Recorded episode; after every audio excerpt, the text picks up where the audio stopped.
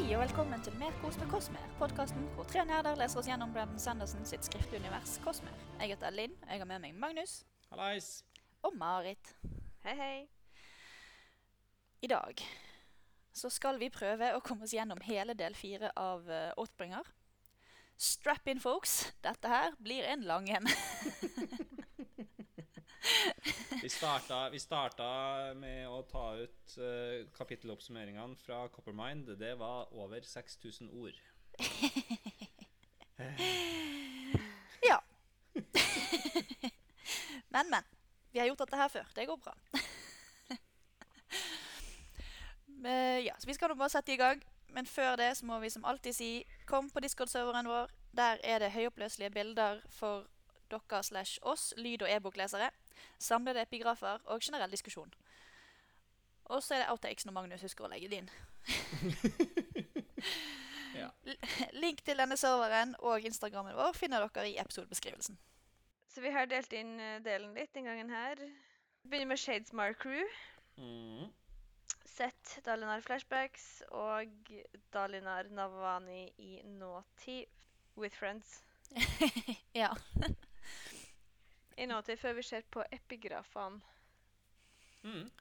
ja. Så vi setter i gang med Shadesmile Party. Da Eller det er ikke så mye party, egentlig. Jeg synes det er litt skummelt. Og det er litt depressivt i starten, i hvert Jeg vet ikke hvor de skal hen, og jeg føler ikke at jeg, li- jeg klarer ikke å slappe av så lenge de er med i Shadesmile. Nei, men da kan vi få det skumle ut av verden da, Marit, og begynne med Shadesmar. Mm. Yes. Adeline ser rundt seg og er overbevist om at han er i helvete. Nå har jeg oversatt 'damnation' med helvete, bare sånn til videre info. Kaladin puster inn stormlys og tar til lufta, desperat etter å komme tilbake til Roshar og for å beskytte byen. Men han synker ned igjen når alle sprenn i nærheten begynner å svømme mot plattformen for å nære seg på stormlyset. Når Azur forteller hvor de er, så begynner Adeline å mane frem sjardsverdet sitt, og sprennen med de utskrapte øynene begynner å hyle. Det får han så klart til å stoppe ganske raskt. Under dem så begynner en enorm sprenn å stige ut av klinkekulene, og Shalan begynner å forme klinkekulene til kontrollbygninga av ei dør som de kan bruke for å komme seg nærmere en vannkilde i Roshar, som da er land i Shadesmar. Syl sier at portalsprennen er korrumpert, og Shalan innser at Shah Anat har holdt det hun lover om å prøve å ikke drepe dem. Adolin føler seg ubrukelig, men holder Kaladin unna full depresjon med å holde han i tale. Han legger også merke til at Asur sitt hår blør fra sort til grå. Når de endelig kommer til land igjen, så insisterer Adolin på at de skal slå leir. Eh, og alle unntatt Kaladin faller om i utmattelse. Det høres ut som de dør, men gjør ikke det, de bare legger seg ned. Når de legger seg, innser Adolin at med Elokar død og Dalinar som høykonge, så er han teknisk sett konge av Aletkar.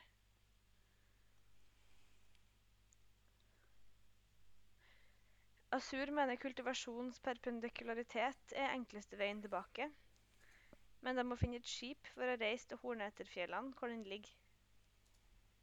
Hyl fra sinnesbrenn høres, og de begynner å marsjere vekk fra dem. Kaladin sitt sinne sørger for at sprennene følger etter, men han foretrekker å være sint framfor å være deprimert. De blir kvitt sinnesbrennene til slutt ved at Kaladin fokuserer på å inspisere landskapet. Syl forteller at hun bodde i en storslått by styrt av æresbrenn, og hun forteller om sin tidligere radiante, men at han hadde dødd like før rekreansen. De hadde knust henne, men også spart henne fra hendelser. Etter et par dagers marsj ser de lyset fra et fyrtårn. Kaladin sniker seg fram for å inspisere, men forventningsbrenn samler seg rundt han og skyter tungene sine i været. Inne i fyrtårnet sitter en skallet skinnmann og leser. Rino, som han heter, forteller Kaladin at hans framtid kan spås, og viser fram en skinnende krystallkule. Akkurat når, Akkurat når høystormen treffer, tar Kaladin på kulen og dras med høystormen. I denne ser han et syn av Dalinar i fare ved en by nær havet, omringet av ni figurer. Mens Kaladin snakker med Rino, kommer en korrumpert hedersbrenn og lander på Shalan.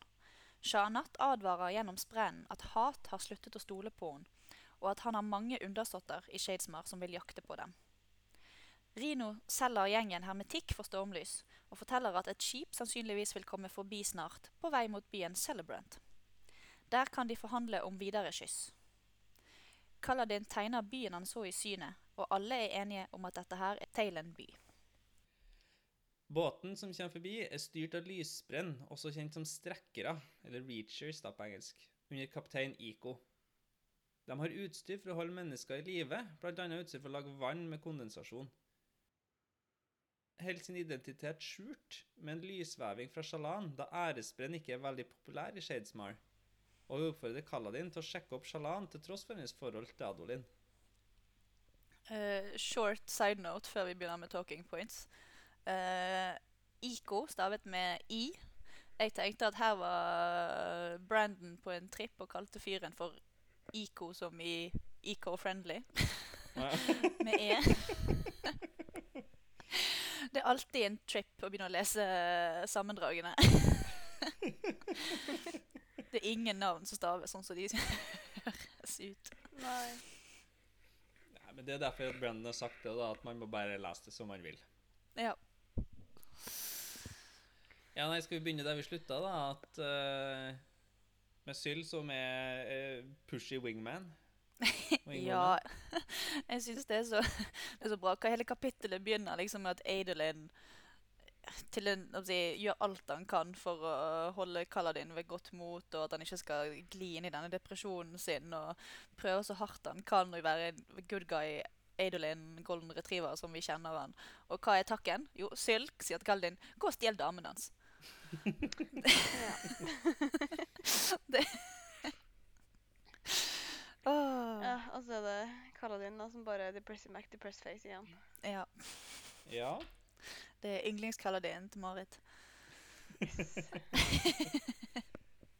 Men eh, ja, nei, som sagt så skjønner jeg jo greia, da. For at alt føles veldig håpløst når man er i Shadesmar. Ja, det gjør jo det. Men ikke på hjemmebane. Nei. De er jo det, da. Vi har jo tre stykker som er på hjemmebane her. Uh, men Jo, men jeg føler ikke akkurat at Syl og, og Pattern er så jækla hjelpsom. Nei.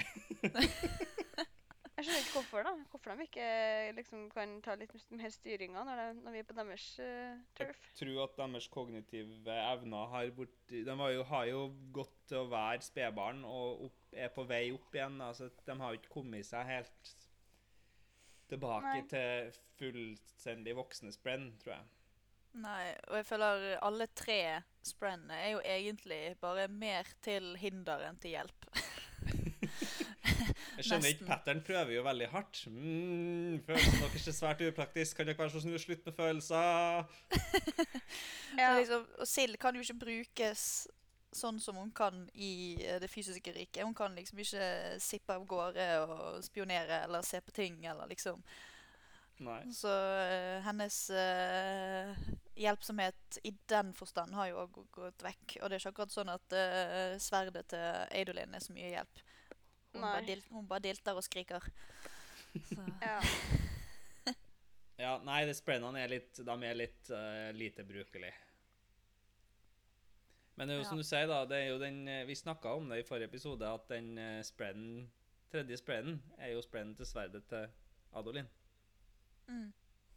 Det vet ikke jeg om vi konkluderte med i forrige episode. Nei, vi nevnte det i hvert fall. Ja, jeg tror vi var innom det.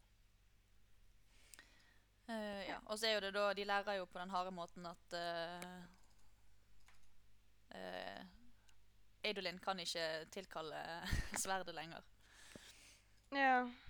Når hun er kan der. han ikke, eller er det bare at hun hyler? Nei, hun hyler. Hun, det er jo det hylet som Kaladin har hørt når han har tatt på sjardsverd. Ja. Så jeg tror at hun hyler òg når hun tilkalles det fysiske riket. Det er bare at Adelin ikke kan høre det. Ja. Det, men, at, men, men, vet vi at sverdet ikke dukker opp, liksom? Ja, for Adelin er jo der, så hun kan jo ikke forflytte seg. Nei. Nei, altså jeg tror det at Når de er i Shadesmar, så, så er de der fysisk til stede. Altså, Sverdet er jo deres manifestasjon i det fysiske riket. Ja, OK. Ja. Så det der det, det er det som er problemet, da. Ja. Ja. Og så har vi en av de eneste samtalene mellom Syl og Pattern noensinne. For de snakker jo ikke sammen noen gang. Uh, og Syl snakker om at uh, hun er jo en manifestering av ære, bla, bla, bla. Og så har du Pattern, da. Som en manifestering av weird stuff. Ja. er det du som har lagt inn den uh... Ja, det er det. Mimics the fundamental underlying mathematics by which natural phenomenon occur. Mm, the truth that explains the fabric of existence. Så, Takk for det. Det var hjelpsomt, Pattern. Takk. Et det gyllent snitt, liksom? Ja, jo, men det er jo det er jo det, det er, da. Det er jo De, mimik, de mimiker jo på en måte matematikkens basis, eller naturlovenes basis i matematikk, da. Ja. Altså, ja, sannheten.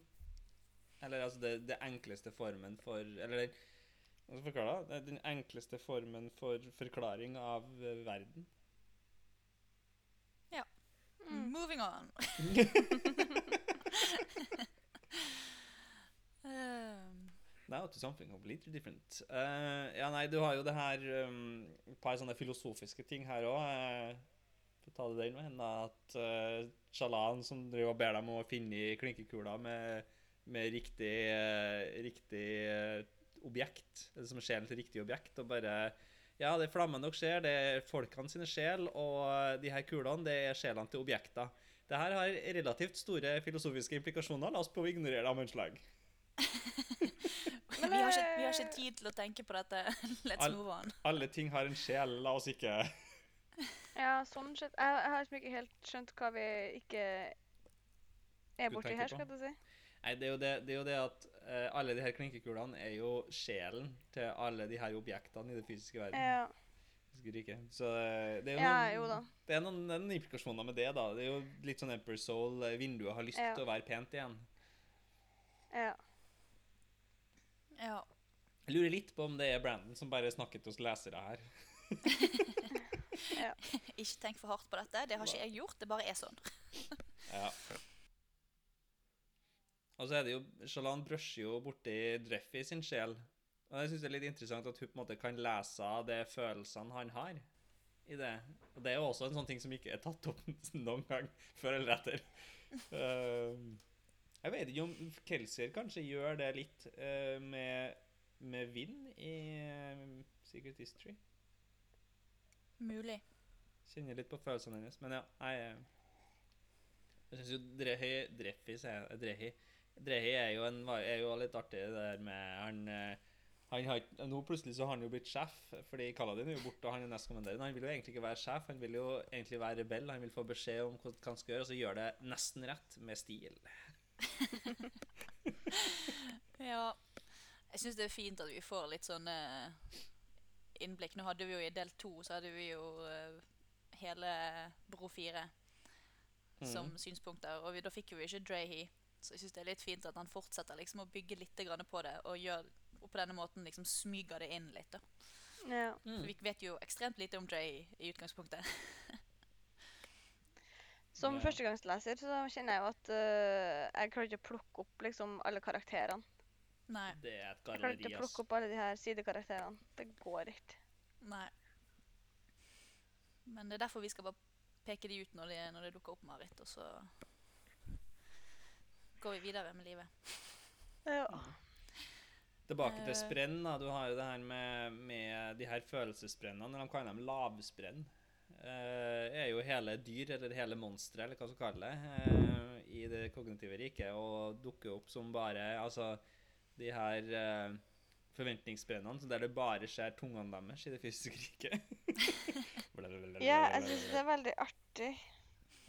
Vi har jo hatt hinting på det her hele veien. da. Rock, øh, Stein har jo snakka om det, og, og um, Eshonai har snakka om det. Hvordan? da? Om at de ser hele vesenet bak. Ja. Jeg har peka ut det flere ganger. Det. Men det har, det har jo vært litt sånn hinta til hele veien. da. Eh, så det er jo fint at det Ja. henger sammen. Og så liker jeg at det virker tilfeldig hvilke deler som popper ut. Ja, ja, ja, det virker ikke som det er noe sammenheng med ting. Jeg er veldig eh, Får vi se noe Vi får ikke se noe, noe eh, fryktspredd. For det er jo dem som kommer opp som sånne creepy hender. Ja. Jeg lurer på hvordan de ser ut. Jeg tror ikke vi har lyst til å se det. Nei, det var det. Det var det. Eh, ja, og så Syll er jo uh, lysøyd sprenn, som hun kaller seg. Mm. Og så har hun holdt det Hun har ikke turt å si det til Kaladin fordi at hun er redd for at han skal hate henne på samme måte Mm. som han hater lysøyde. Bare, Å, Syll, da. han kommer ikke til å hate deg, og han hater ikke alle lysøyde. Han liker jo Adolin og Delinar.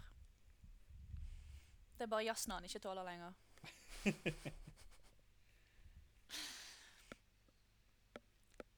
Ja. Det er, men det er jo, det er jo Jeg, sy- jeg syns jo det er litt sånn rørende, den der. Er Sånn Jeg var redd for at du ikke skulle like meg. Ja. Jeg skjønner det jo. Han har jo et ganske Du kan si at han ikke hater lysøyde lenger, men han gjør det. Han har bare funnet noen han syns er OK. Ja. Um, Han vokser jo litt, men det, ja, nei, det er ikke Han, han er ikke noe hyggelig mot dem likevel. Nei. Eh, ja, og så siste på Spren. Mm. Uh, spr eh, Spren-barn er sjeldne, men eh, de lever jo òg veldig lenge når ikke de har et bånd til mennesker. Og eh, det kommer vi jo litt tilbake til uh, seinere. Jeg syns det er vanskelig å ta inn over meg hvor lenge de lever. Um, for Syl blir omtalt som et barn, men hun har jo levd i tusenvis av år. Ja, men jeg tror Syl har også vært Altså, Syl er jo en av de eldste æresbrennene som eksisterer nå. men hun har vært katatonisk i Ja. store deler av det. Ja, sånn at hun har på en måte Hun anses jo som et barn fordi at hun eh, Jeg vet ikke de, hva skjer med dem når, eh, når eh, båndet deres avsluttes, da, ved at radiant, den radiante dør. Det vet du ikke noe om, da. Har jo, det har jo tatt Hva hun sier, da? Hun, det, det, hun ble katatonisk, da, men det har på en måte gått veldig sterkt innover. Da, så det kan jo hende at de går tilbake til å bli barn igjen da, som følge av det, eller et eller annet. Ja. Men det er bare den der eh, eksistensielle greien med lange liv og sånn, og det er jo ganske Ja, jo lenger du lever, jo færre barn føler jeg at du, du får. Ja, Hvis ikke så ville det jo ha blitt eh, veldig Mm. mye sprenn. ja, men jeg tenker i vår verden òg. Ja, jo, ja, ja, men det er jo samme her. da. Hvis ikke så er det blitt veldig mye mennesker. da. Altså, Hvis du eh, øker levealderen, men fortsetter å produsere like mye unger, så blir det jo overbefolkning rimelig fort. Mm. Ja. Så en sjølregulerende mekanisme. Ja. Jeg vet- vet ikke hvordan det der er med sånne lavsprenn, da, men jeg antar at der er det litt sånn De fôrer Eller føder eh, Hva er det jeg prøver å si? Spiser følelser. De nærer seg Eh, nærer på seg følelser. Ja, sånn at der vil det kanskje være litt sånn naturlig at hvis det er for mange Det vil det være litt sånn som det er i naturen, da, at det er litt mer sånn Hvis det er for mange sprenn, så, eh, så blir det for lite mat. ja. Ja. It makes Eh, sense, but uh, Men du tenker ikke over det før det blir er det relevant? Ja. Nei, det tror ikke vi trenger å snakke mer om det. Nei. Mm, da vil vi gå videre, da. Skal vi snakke litt om Kaladin? Skal vi ta den Øh, lille Depressing Mac, depressing face. Ja. Vi, får ikke å alle, nå bare gir opp livet. men det er jo for mange sider å beskytte. Jeg skjønner jo at han kommer litt i en sånn uh, eksistensiell krise hvis hans greie skal være å beskytte alle, sjøl om han ikke liker. Og så viser det seg at eh, alle egentlig bare prøver å beskytte seg sjøl. Ja. Jeg klarer jo at du beskytte noen når han bare går og sutrer. Nei, det er sant. Men det er jo derfor han prøver å være sint, Marit. For han, han vil jo ikke være sint, nei, lei seg. Han vil, han vil uh, være i stand til å beskytte. Mm. Ja. Og så er jo det en eh, Vi får jo et bitte lite Kaladin-flashback. Mm. eh, der han har frøset under trening uh, fordi han er redd for å være en svært effektiv eh, drapsmann. Mm. Og jeg syns det er veldig godt skrevet. Eh, fordi at når, du, når han begynner på det flashbacket, eh, så eh, Det er jo denne samtalen han har med en offiser.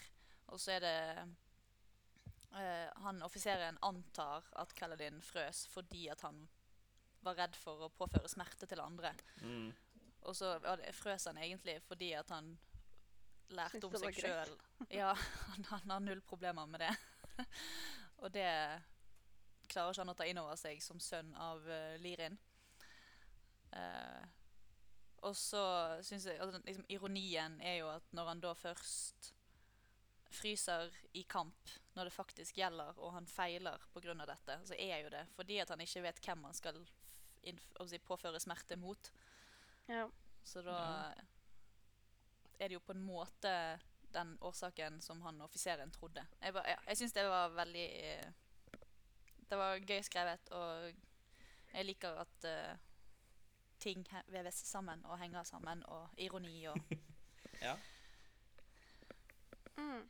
fortelling. Jeg, jeg, jeg, jeg er enig, da. Jeg er enig da, at, at det er veldig sånn Det gir eh, Det gir mening, og det, og, og det bygges opp veldig bra.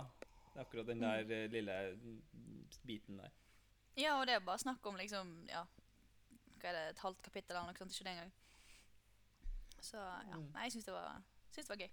Mm. Og så har vi Kaladin som skal være stealthy stealth inn mot uh, det fyrtårnet. Og så, og så liker jeg at eh, alle bare Ja, Kaladin kan gjøre det, for han har jo erfaring med å snike. Og han bare Ikke si det til noen, men jeg kan, jeg kan snike fordi at jeg var slave. og jeg prøvde å rømme. Flere ganger. Ja. Og han ble jo alltid fanget, så vi vet jo ikke hvor god han faktisk var på å. Nei, det var det. Vi har jo fått en del flashback fra, flashbacks fra den tida òg, med folk som dør rundt den og sånn. Mm. Mm. Jeg må si, det jeg har ikke tatt den med, for jeg synes det, det er en flashback der om at det er ei som dør for at han driver og sniker seg rundt og ikke får det til å tråkke i ei dyrefelle. Altså, jeg er sånn Jeg forsto ikke helt poenget med den flashbacken. Det er vel det at alle dør rundt den. Ja. Igjen. Han greier alltid ikke å overleve. Ja. Mm. Han alltid overlever. Ja, jeg, men jeg bare sånn jeg, Når jeg var ferdig med en sånn Ja, det er, en, det er jo litt trist, og, og det er jo litt sånn følelser der, og, og så, men så er det sånn det, Og så overlevde jeg fordi at jeg skulle gi De ville at jeg skulle sende beskjeden om at det var ikke noe vits å flykte til de andre fangene. Og så sånn Nå har du Det er egentlig litt heftig med plot armor på det her, kaller jeg det. på det her tidspunktet, syns jeg. Eh, Ja Fordi at Men det Det har jo vært plot ar... Altså uh, Man har jo kanskje tenkt at det har vært plot armor tidligere, og så har det vært surge binding, skal du si, i forhold til uh, Bru 4 og Ja. at han aldri vært truffet og sånn. Ja. Men det her Men her i er dette bare tilfellet så er det jo bare flaks, skal du si. Ja, det er bare ren plot armor. Så i min mening så burde kanskje den ikke ha vært der, fordi at den, den gjør det litt Du har på en måte glemt litt den der plot armor-tingen med at Kalin alltid overlevde alle forsøkene på å stikke av. Ja, uh, men den, denne gangen så var jo det òg at han frøs. Fordi at han er Han er sjokkert og lei seg, og, og han blir jo eh, han, Gaven hans for ikke å prøve å løpe fra de lysøyde når de fant de, var jo at han skulle overleve. Eller var at han fikk overleve. Ja, jo, ja. Det var jo hans reward for å ikke stikke av når de fant de. Ja, ja det er kanskje det er noe der. Så det er jo igjen en, en gang han har frøset i en sånn situasjon. Fordi Ja, at han er, er jo- over, overveldet av sorg. Men da var det jo positivt at han frøys, da. Ja, Mm. men han ser jo ikke nødvendigvis på det som positivt, for at han ser jo bare død og fordervelse. Ja, jo, ja. Nei, kanskje at det er noe der som jeg ikke helt har fanga opp i farta. Ja. Men nå skulle han sjøl være sneaky, sneaky sneak frem mot uh, fyrtårnet. Mm. Mm. Hvordan gikk det? Jeg ser for meg at de lager den lyden. De gjør jo så klart ikke det, men det er bare Jeg ser for meg det her altså, Jeg har jo lagt ut det bildet her på Discord, fordi at det er bilder av dem i boka. De er liksom sånne, det er en sånn froskelignende sak som bare åpner hele hodet sitt og stikker over sin tunge. Så ser vi dem at de er på en måte ganske lydløse, for de er jo spredd. De lager ikke mye lyd sånn bortover. Og så stiller de seg opp attmed, og så har de hodet opp, og så bare Så ikke, ikke bare er det veldig synlig, men det er også uh, veldig ulyd. Ja. Uh, ja. Og så møter han uh, Rino, Mm. eh, som har rynkete hud og er skallet. Det var det vi fikk vite om han. Men de sier at han er skinn. Ja. Mm. Men, men hva, hva vet du om skinn? De ser jo litt ut som oss, ikke de det? Ja. Ja, Um, så de bare antar det. Men han er jo på en måte tydelig ikke skinn, sånn som jeg ser det da. Altså, Nei? Merciful Domi sier han og snakker, spør om hvordan heightening eh, Kaladin har, og han er jo helt tydelig fra Warbreaker Land. Merciful. Domi er ikke en altis, nei. Det er Lantris. Det er Lantris, Det er Lantris, det. Så han har snakker både fra Warbreaker og fra Elantris. Han har jo, Mm. altså, Asher har jo vært her før, eh, sånn at det er jo tydeligvis noe transport av folk fra Analtis. Eh, sånn Kaller vi jo Asher eller Asur? Asur. Jeg skal si Asur. Jeg skal skjerpe meg. Um, men han her er, han bruker uttrykket 'merciful domi' er jo helt tydelig fra, fra um, sel, Det altså Elantris. er Elantris, da. Så han her er en elantrier. Eller iallfall fra den planeten. Men når han er skalla og litt sånn, så er det jo også en tegn på at han er elantrier, da. Ja, er er det han vi kjenner fra Elantris, det kanskje? Ja, for her har Brandon droppa en helt syk fact som ingen helt forstår hvorfor det er sånn og, og sånn. Men det her, du husker han der som de duppa i, i eh, den dammen? I perpendikulariteten Ja. I Elantris. i Elantris. Eh, tja. Det er en, eh, det er en elantria som de finner. Det er når eh, å, Ja, han, Gud, han som forsvinner, skal du si, for han er Ja. Helt uh, Han er hoed. Han er hoed, Mm. og så dopper de inn i dammen, og så forsvinner han. Det er han. Ja. Og alle er bare sånn Brandon. Hæ? Men han har blitt bra. Ja. Tydeligvis. Ja. For han, har ikke det, han er ikke i smerte lenger. For, for, jeg skjønner det ikke helt. Nei, det er ingen som skjønner det her. Det, er, det gir ikke mening, og Brandon gir ikke noe mer svar. Så det bare er ja, irriterende. ja. Men han har jo tydeligvis reist rundt mer, da, siden han kjenner til heightnings. Mm. Eller bare truffet folk som snakker om hende. Mm. Så her har vi da en Altså har han jo navnet Reno, da, med to i-er, som er helt tydelig eh, Så vi har bare forhåndsdømt den til å være skinn. Ja, ja, altså, det er ingen Alle som som Alle som ser europeisk ut, er skinn. Ja. Altså, det er ingen som er så rasist som Alethian. Det er helt De er Alle dømmes etter hudfarge. Hele tida. Ja, ja. Men jeg, jeg Ja, reagerte altså- veldig på det her med um, et bilde av en cityscape at dusk with a group of low houses clustered before an enormous wall Ja. that had a light glowing beyond it. Ja. Som uh, han har et bilde av på Ja. veggen sin. For det høres jo veldig ut som denne historien som Hoid Chalan har uh, delt to ganger nå. ja, men høres det også Mm. ut som en annen by du har sett som har en svær mur som lyser? Ah, ja, er det Elantris? Ja. Det er det. Ja. Men du har rett, da. Det høres litt ut som det, men jeg tror det er Beyond It som er, er problemet. Eller som er Nei, men- ordet som fanger her. Fordi at Beyond It det er jo, høres jo veldig ut som den muren som er The Girl Who Looked Up. Ja. Ja. Ja, for at det er ikke noe lys nødvendigvis i Elantris på en måte der. Jo, Elantris, Jo. hele Elantris lyser jo opp. Alle, Jo, alle steinene det, er jo fylt. Ja, av dor. Mm. Ja. Jeg tenkte um, mm. Ja. Men det er liksom med en gang du kobler at han er Ja, for jeg har jo koblet at den var Elantria. Jeg har jo tenkt at den var fra uh, Warbreaker Land, Maltis. mm. Jeg klarte ikke å koble alle det. Nei da, men det er jo forvirrende. Og det er jo, jeg syns jo det er litt gøy nå, da. At når vi er her nede, så plutselig så er liksom alle verdener bare klasjer inn i hverandre. Mm. Ja.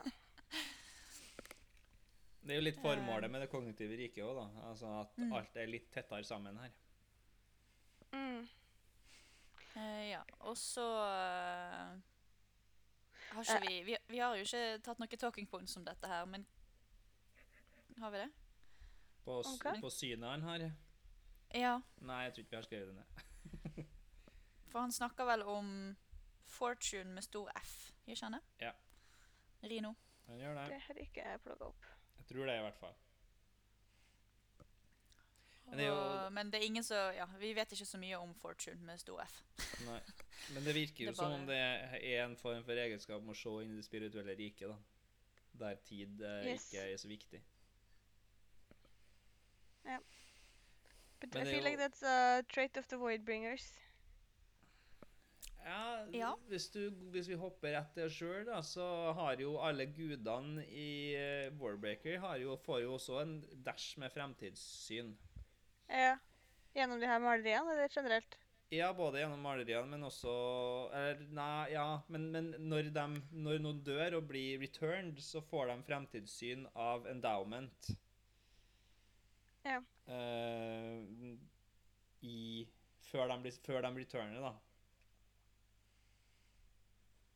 Mm. Så det er jo, bare, det er jo en egenskap av shards.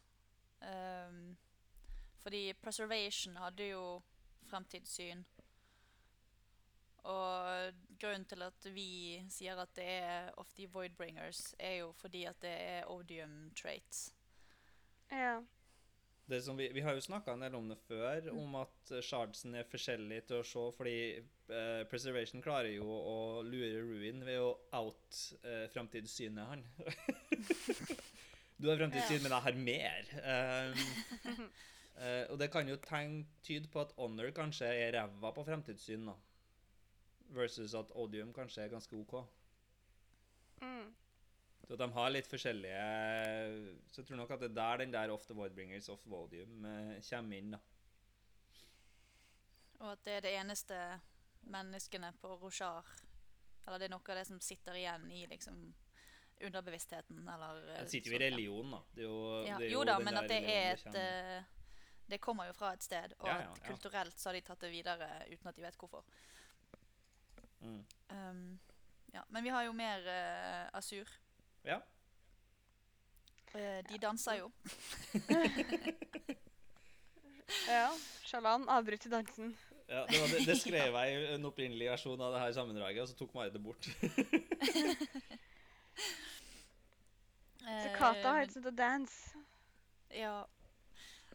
Men eh, ja, jeg syns det er veldig, veldig fint da. Når Adelaine bare åh, jeg må bare bevege meg. Jeg må sentrere meg sjøl. Jeg må Ja.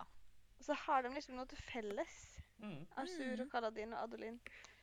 Men eh, ja, det er jo bare enda Altså, nå har jo dere bekrefta for meg at Vasher også er hele samme person, så det er jo bare Jeg føler jo at det er bare enda en sånn Du får, du får, altså det her er en, av- en av mange muligheter til å, å se, se det, da. Ja. Mm. For Adelaine han kommer liksom 90% der. For han bare Ja ja, men Sahel må jo ha lært Kaladin dette. Mm. Så det, det, det er fra Sahel meg og Kaladin har det. Og så sier han vel ingenting om hvorfor Ashur, uh, Asur kan det. Jo, det blir spurt om Ja. altså, hvor har du lært den. Eh, Nei, jeg lærte den fra Mm. min sverdmester. Ja, ja, det Mm. gjorde jeg òg. Er det en sånn samtale som foregår? Mm. Jo da, men det blir ikke sagt eksplisitt på samme måten som Adeline og Kaladin. Jo, det kommer også senere så kommer det en eh, Jeg vet ikke om jeg har det som talking, men det kommer en uh, uh, Si hei til han som uh, lærte dere den kataen, Ja! og Ja, ja, si at jeg er på jakt etter den. Ja. Sorry. Ja, samme det. selvfølgelig. Så det, det kommer. Ja. Det, det, er, det, ja, det, det er mange hint som droppes, uh, men det tar litt tid å måte, få dem med seg. Eller det, Ja. det krever en sånn her oppsummering for å få dem med seg, egentlig. Ja. Og så uh, driver jo Adelin og kommenterer på at uh, Asur sitt hår driver og bytter farge. Mm. Det er jo, er jo eh, avhengig av hvordan hun føler seg. Så jeg regner med at hun føler seg rimelig utslitt når håret er grått. Mm. Men jeg husker ikke alle de fargene og hårfargene, hårfargene og følelsene. Så det. Jeg husker, var, Hvis det var sint, så var det rødt. Ja. Men det var vel brunt, og vi venner er vel best på å ha håret brunt hele tiden. Ja, ja. Hun var, Nøytralt. hun var best. Eh, ellers da, så er jo, hun har jo fått, Vivenna har jo fått en god dose med ydmykhet siden, siden, siden vi begynte i Warbreaker, i hvert fall. I'm a woman who's been constantly out of her league since adolescence. Ja. Jeg husker jo ikke hvordan hun var. Var hun ikke ydmyk, skal jeg si? Hun var jo, Hun var jo tidenes overbærende storesøster eh, og så ned på alt og alle rundt seg hele tida. Helt til hun blir rundlurt av uh, Dent i Warbreaker.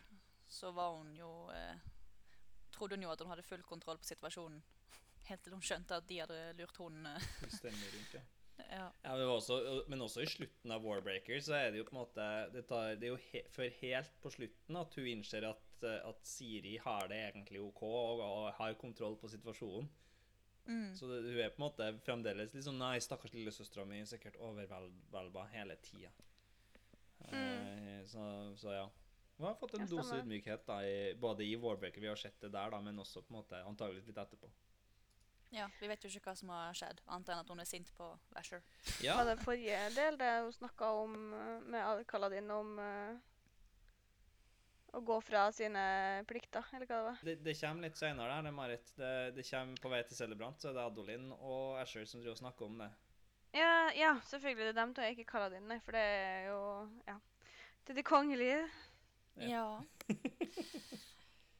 hvor Adolin ikke aner at uh, Asur er, har kongelig, kongelige aner, selvfølgelig. Nei.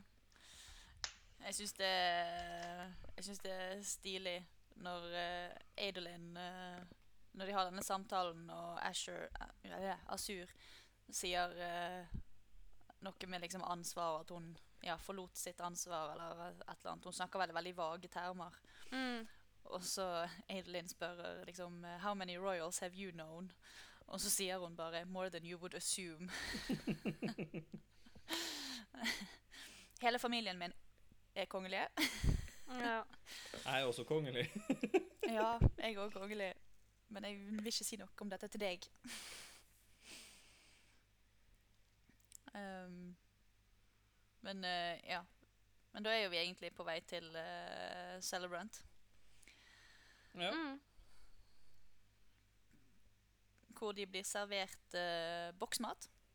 ja. Hvor tror vi den kommer fra? Det har jeg ikke reflektert over. Det er en Ja. verden uh, i det her universet som har funnet opp boksmat. Det er på Hva faen heter planeten igjen? recall. Schedule. Schedule. det, var ikke, det var ikke en dramatic pause, det var en Nå husker ikke hva planeten heter pause. OK, men Ja, OK. Ja, det, nei, det, det er ikke noe annet enn det. Det er bare det at altså Det er jo en, eh, det er en greie i Mistborn RA1 at boksmat Mhm. blir oppfunnet, og at det Altså eh, Lord Ruler, judekeiseren, eh, har uh, stekka opp med boksmat i alle de lagrene sine og sånn. Og vi vet jo at det har foregått handel Ja, ut av Scadrial. Sånn at måtte, all denne boksmaten som finnes rundt omkring, kommer sannsynligvis fra Scadrial. Ja. Da er det litt artig. Enda en eh, univers eh, Ja, nå har jeg dratt inn alle vi har lest i så langt, skal du si. Mm. mm. Det er veldig mye Mm. av det her. Eh, så det. Ja. Hele del fire i Shadesmar er jo egentlig bare exposition. Ja, det er jo det.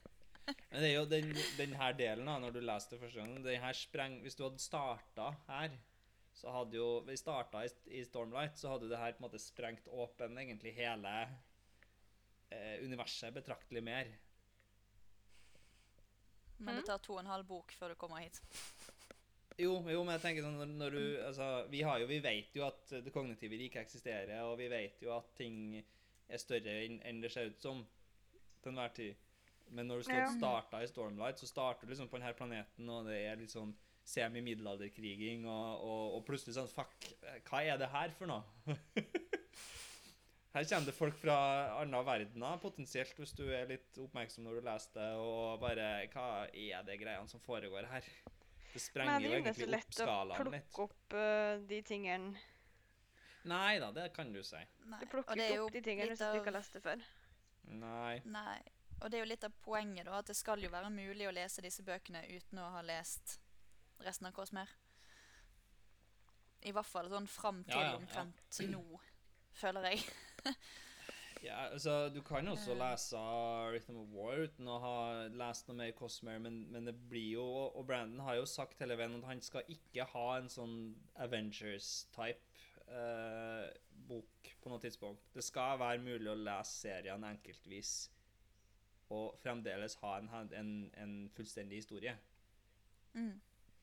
Men det Men det er jo fryktelig, det er fryktelig gøy med alle Ja, det er jo det. Det er jo det, det, er jo det at det kobles inn mye. Det er jo, det er jo mm, Iallfall for min del mye, mye av sjarmen. eh, Ja. Men det er ikke bare mat de får. De får òg eh, vann. Ja.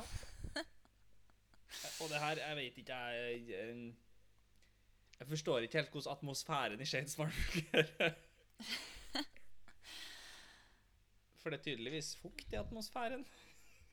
Men det vil jo være Ja, men altså Eller Det trenger ikke være det, da, selvfølgelig. Men altså, vann, vann i fysisk rike er, er fast i det kognitive riket, og alt fast i kognitive riket er flytende i form av klinkekuler eller tåke eller whatever. Uh, men lufta er luft. Det går an å puste der, så det er Så jeg, jeg forstår ikke helt. Magic! Ja.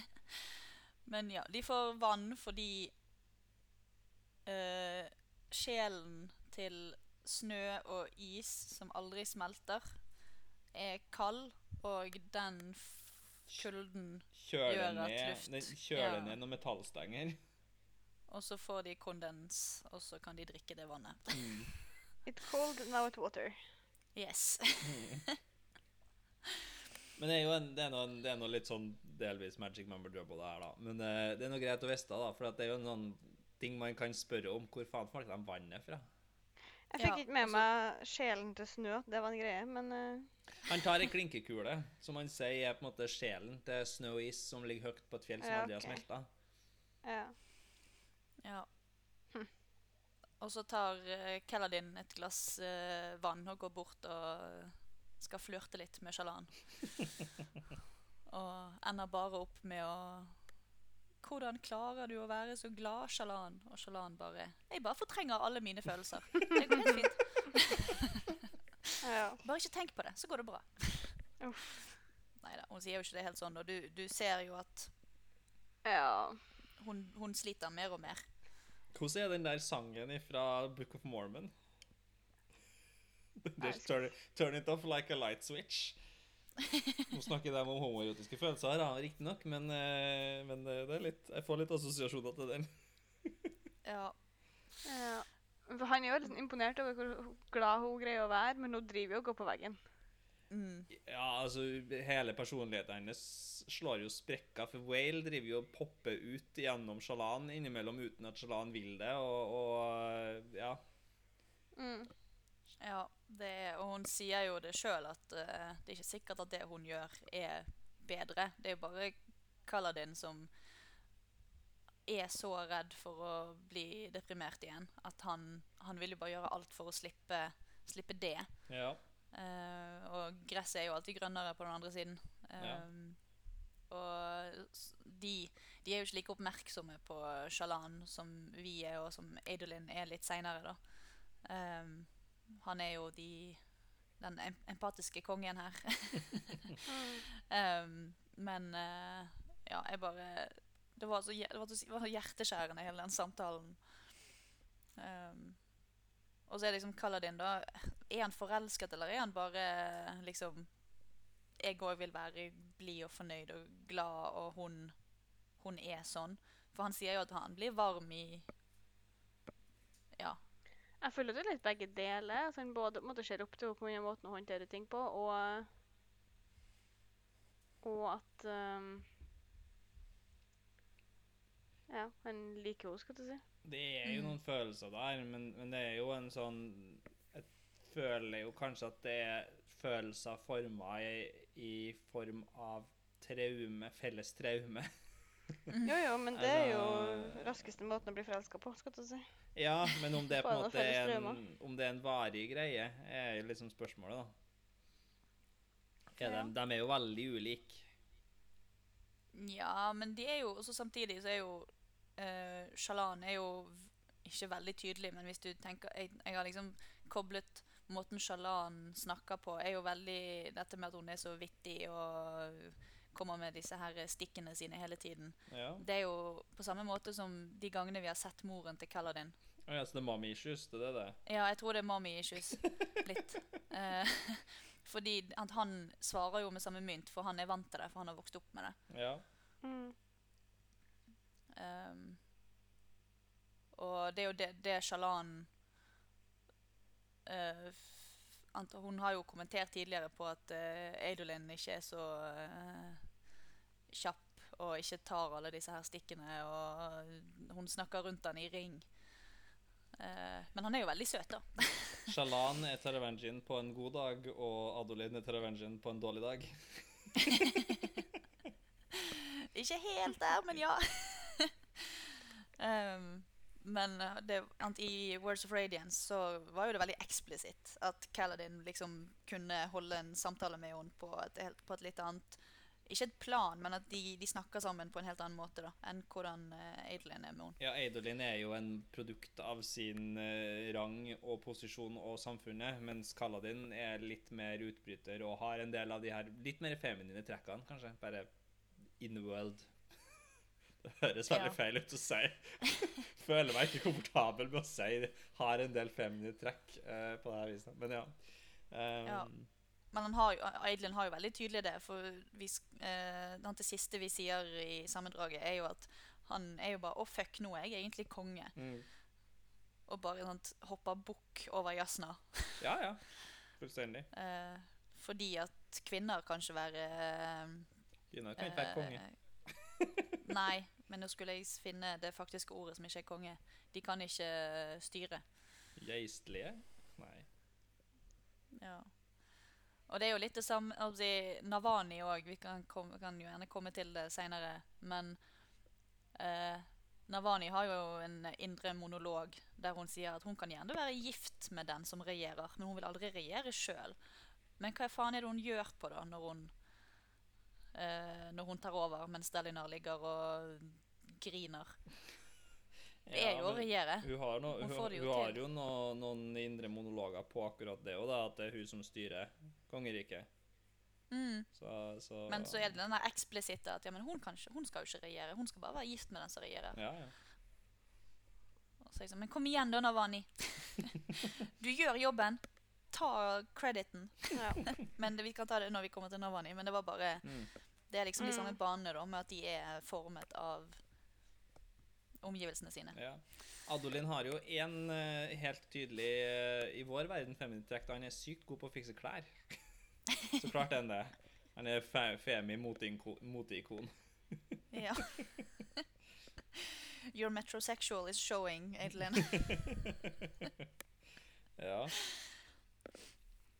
Eh, ja, og han kommer der og Han har jo en samtale Er det, er det Shalan som kommenterer på klærne hans? Uh, og så bare Ja, hvis vi skal være her i ukevis, og jeg bare kommer, kan gå med ett antrekk hele den tiden vi er her nede Kill me, kill me now. Ja, jeg sliter jo litt med prioriteringene hans. Jeg syns ikke han er Men han har Hashtag not my choice for Shalan. Nei. Men han er jo Han er jo Han gjør noe som beste han kan, da, på en måte.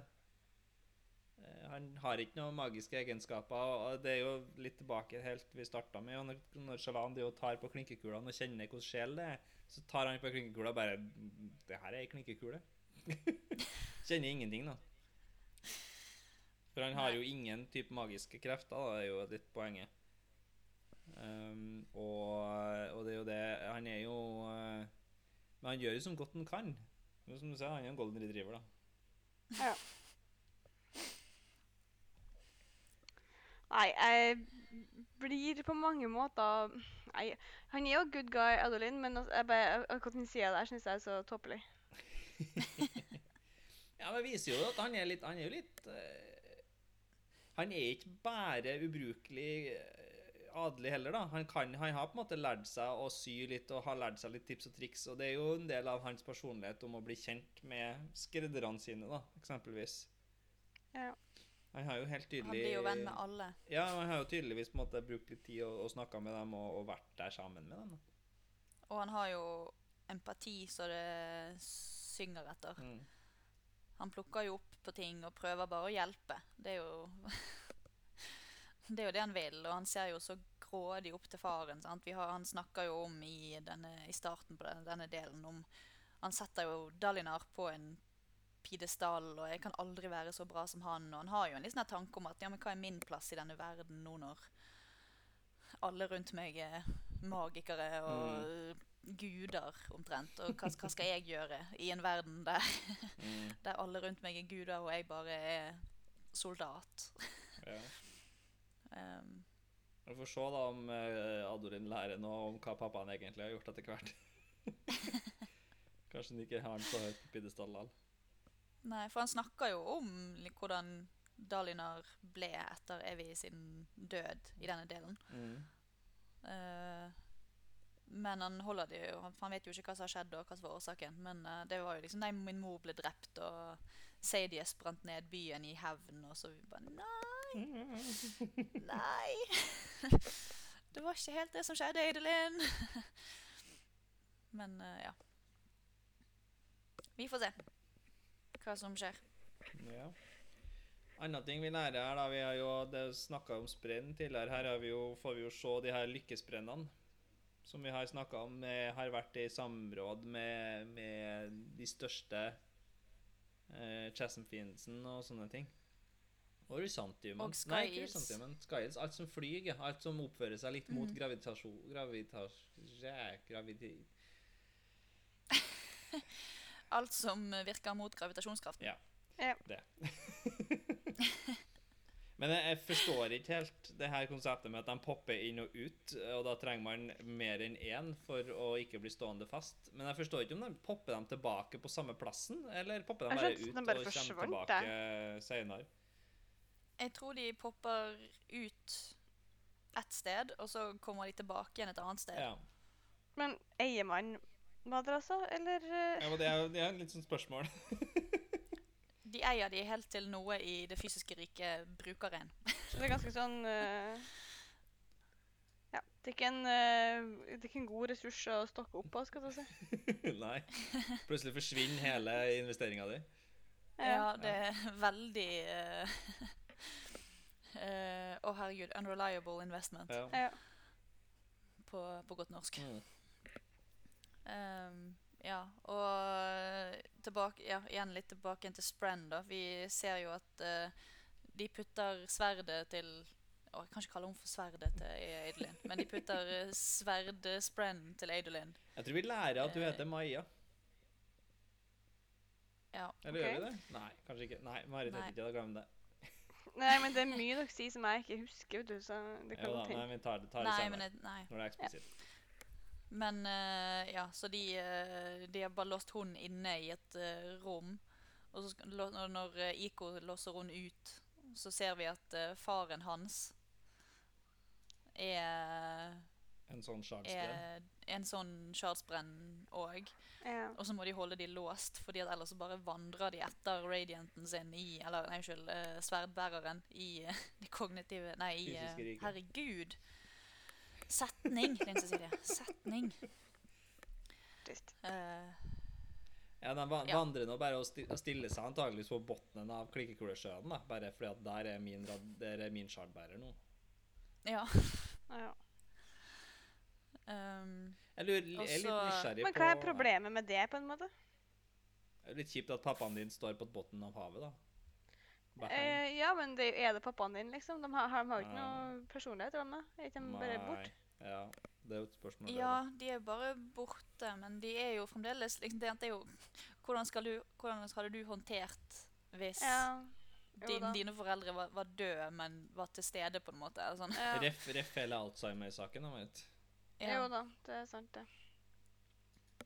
Så ja. Men også når de står nede i, eh, i skroget på skipet der, så sier eh, Iko til Adolin Humans will betray the trust given in them. It's in their nature. Bare, ja, det var jo et fint syn på menneskene. Men, men det, det blir jo også eh, Stormfaren sier noe lignende i slutten Mm. av den delen. Ja. Så Men det, ja, det er bare sånn matter of fact, måten de snakker om det på. Det er bare sånn det. Mm. Mm. Ferdig med den saken. Kan ikke stole på mennesker. Men, men uh, ja, og det har jo også for så vidt Pattern sagt mange ganger. Mm. Du kommer til å drepe meg. Mm. Ja. Og så er det noe med at sprennene blir veldig energiske under høystormen. da. Eh, Det forklares egentlig det. ingenting.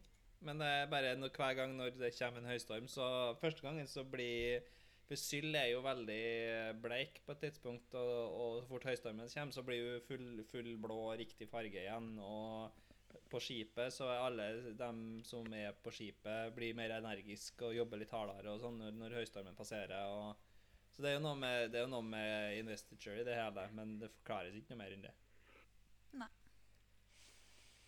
Og så er det noen sånne kobberplater i skipsveggene som, som de vibrerer og kommuniserer gjennom, virker det som. ja, det er rart. Så det er litt merkelig. Um, Mm. Men det er jo Vi vet jo at pasjendiene snakker om rytmer og snakker i rytmer og alle disse rytmene. mm. Og jeg hang meg opp i at i denne delen så er det flere karakterer som nevner at eh, det er noe rytmisk over lydene fra liksom klinkekuler. Og det er liksom Mm. ordet rytme brukes veldig mye. Mm. Well, this is the planet of the listeners. Spoilers, da. Spoilers. Men ja, jeg liker at det kommer mer og mer fram. For når vi, eh, som vi lærer helt i slutten av Ja. denne delen, så er det Planet of the Listeners. Ja. Og da snakker jo rytme, så hvis det, jeg har ikke tenkt så mye over rytmegreia, men, eh, men det gir jo mening Mm. Mm. i forhold til det. Og jeg syns det er veldig gøy. At det, det har liksom vært Men, snakket om rytme rytmer ja. veldig mye, og så bare bang! Kob kobber Hva er kobber i, på Scadrio? Uh, jeg eh, prøvde å sjekke det opp, og kobber er mm, det som eh, gjemmer allomantiske pulser. Så jeg fikk ikke det til å stemme. Ja. Skulle, jeg tenkte kanskje det skulle være hvis det har noe med schedule å gjøre. Om det var eh, messing eller sink. Mm. Fordi når, hvis kobber gjemmer Kanskje jeg tenkte kan, bronse, kanskje, for da kan du høre allomantiske pulser. Altså, det Ja. står kobber. Eh, det kan at det ikke er gjennomtenkt, og at det er kobberfarger bare, og da kan det være bronse. Um, så det gir jo mening, da. Mm. Nei, for jeg har Mm. prøvd å finne en uh, sammenheng med schedule på den. Men det gir ikke mening at de snakker sammen i noe som gjemmer romantiske pulser. Men sant, det kan jo være at de bare ikke vet hvilket metall det er. Ja, ja, det kan det. Så ja, nei, det, vi, det Ja. Hold på tanken, ikke akkurat her, men videre i Stormlight. Ja. Ja. Skal, vi vi, gå- videre? Ja, vi kan gå litt videre i historien her. Vi har brukt veldig mye tid på første, første halvdel av Shadesmar-turen. Ja. Ja. Vel frem i Celebrant deler gruppa seg i to. Kaladin, Adolin og Syl skal se etter forsyninger, mens Shalan, Pattern og Azur skal prøve å skaffe skyss på et skip.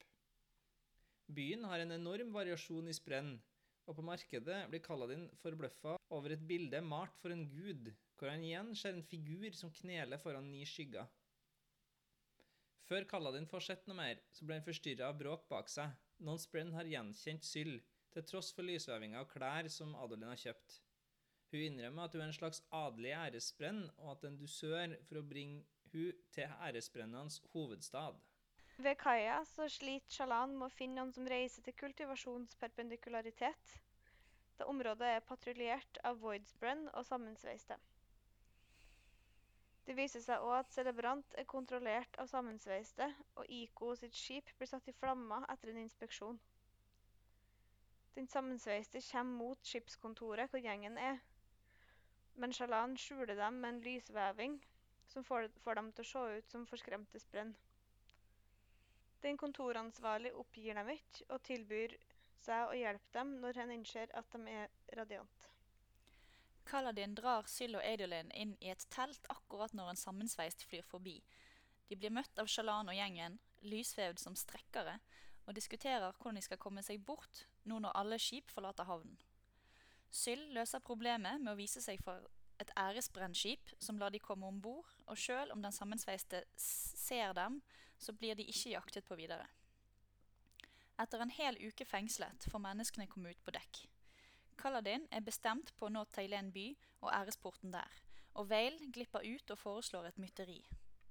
I stedet foreslår Kaladin at Shalan leter etter klinkekuler som kan få de i land om de hopper over bord, og kaptein Notum lar hun fiske opp noen for å trene seg så lenge hun ikke manifesterer noe. Så hva er manifestering? Da.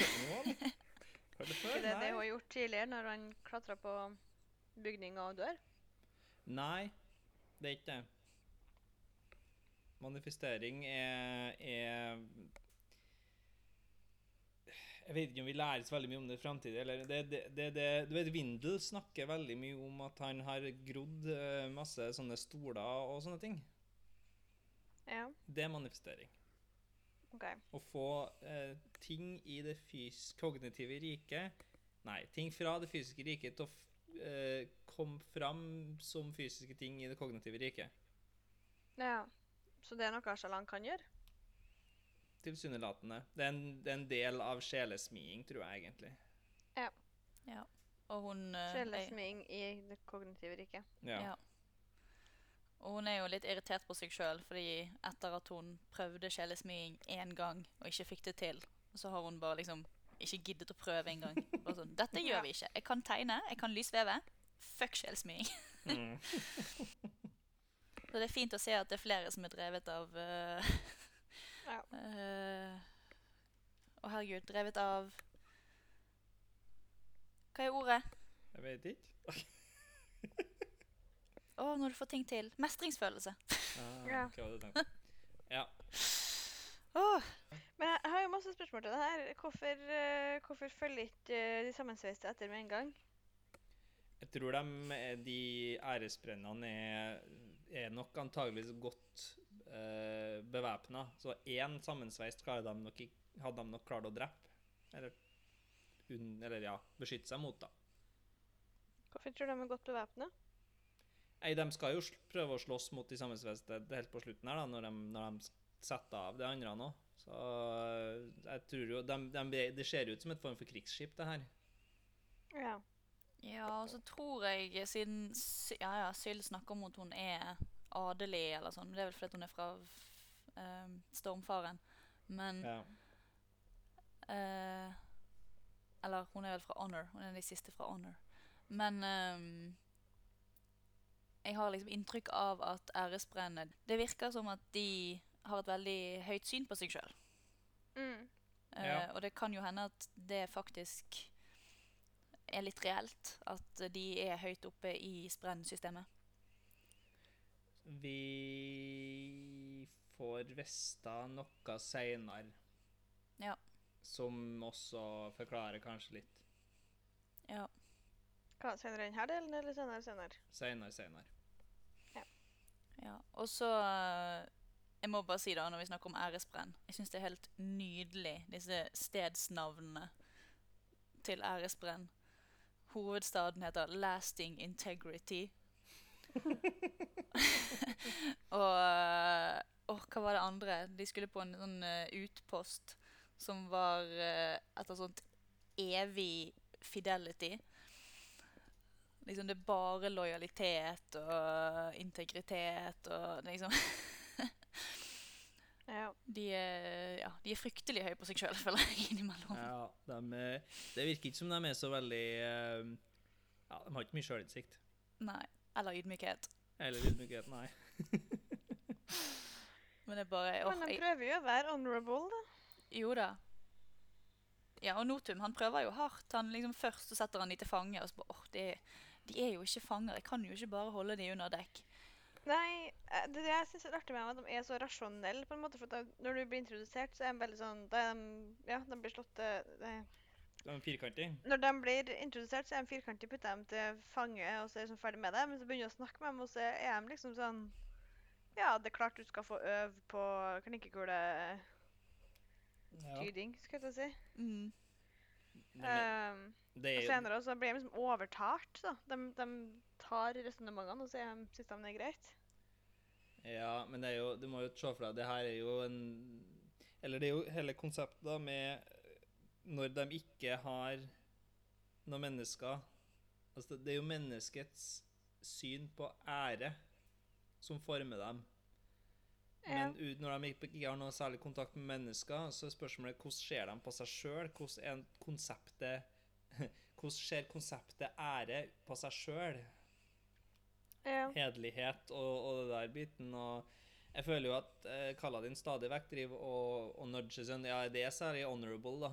Mm. Mm. Eh, og det er jo det ikke at de er så rasjonelle, men det er det at de på en måte blir litt utfordra på det de gjør, kanskje ikke var så er, er, Bra likevel. Ja, bra likevel, ja. Eh, så det er ikke at det er ikke rasjonell, men det er bare den der Vi lever etter vår natur. Mm. Ja, Notum prøver jo så hardt han kan å følge det. Ja, han gjør det. Um, og så syns det var det var litt gøy når uh, han skal fortelle Kaladin om, uh, om det med æresbrenn, og at de kommer fra ære, og grunnen til at uh, han vil beskytte Syl, for hun er et barn, og bla, bla, bla. Hvorfor de set, liksom, ser så Hvorfor hun er så viktig for dem, og alt dette her. Og så når han sier ja, 'honor is dead', og så Kaladin bare ja. Skal, skal ikke du være mer sjokkert? Skal ikke du bry deg mer? Hva, guden din er død, eller hva? Så bare, ja. OK. Ja, forstår du dette her? Jeg forstår delvis, men jeg, jeg følger hva du sier. Det går fint. Fortsett.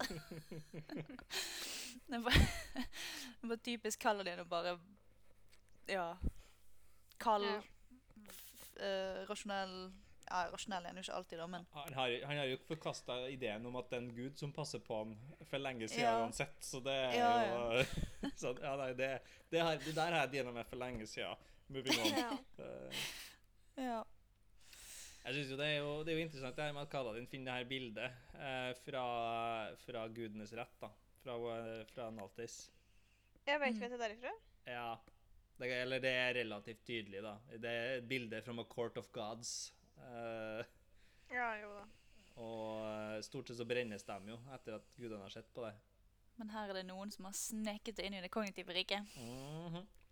Men det er jo det er jo en sånn fordi um, Rino, han fyrvokteren, han snakker jo om at om hvor mange heightenings har du Nei, å nei, du er en surge binder. Så det er jo tydelig at hvis du har nok uh, investiture, så kan du bli påvirka Eller kan du se ting i det. Det handler ikke om at du skal være en returned. Nei, det er hvor mye magi har du i systemet ditt, eller ja. ja. ja. Hvor Mm. sterk magiker er du?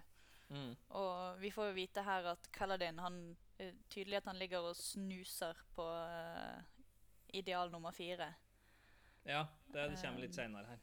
Ja, sant? Så, så han er, begynner jo liksom å Han er ganske høyt seg oppe opp, ja. der, ja. ja. Så hvor mye i Messenger det er i forhold til heightnings og sånn, det vet jeg jo ikke hvordan det korrelerer. Men uh, ganske, ganske høyt oppe igjen nok. Mm.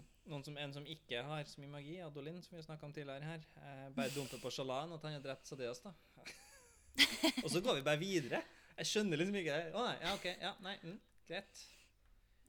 Skjønner godt at du lite drepte ham. ja, Det var veldig lite reaksjon, egentlig. Ja. Jo da, men å si, han, han velger jo å fortelle det til en som Har myrdet. sin og begge sine foreldre. Ja, sant. Så liksom det at han drepte, eh, som hun sier, verden er et bedre sted uten Sadies i det. Mm. Um, og jeg syns jo det er litt fint da at Adelin sin måte å trøste Shalan på, eller å vise at men jeg er ikke perfekt, jeg heller. Jeg òg føler at mitt sjølbilde er forandret av dette. Jeg er ikke den ærlige Adelin Uskyldige. Collin som uskyldige Adelin Colin som er liksom en standup person og alltid gjør alt riktig hele tiden. Jeg har gjort dette så forferdelig feil. Mm.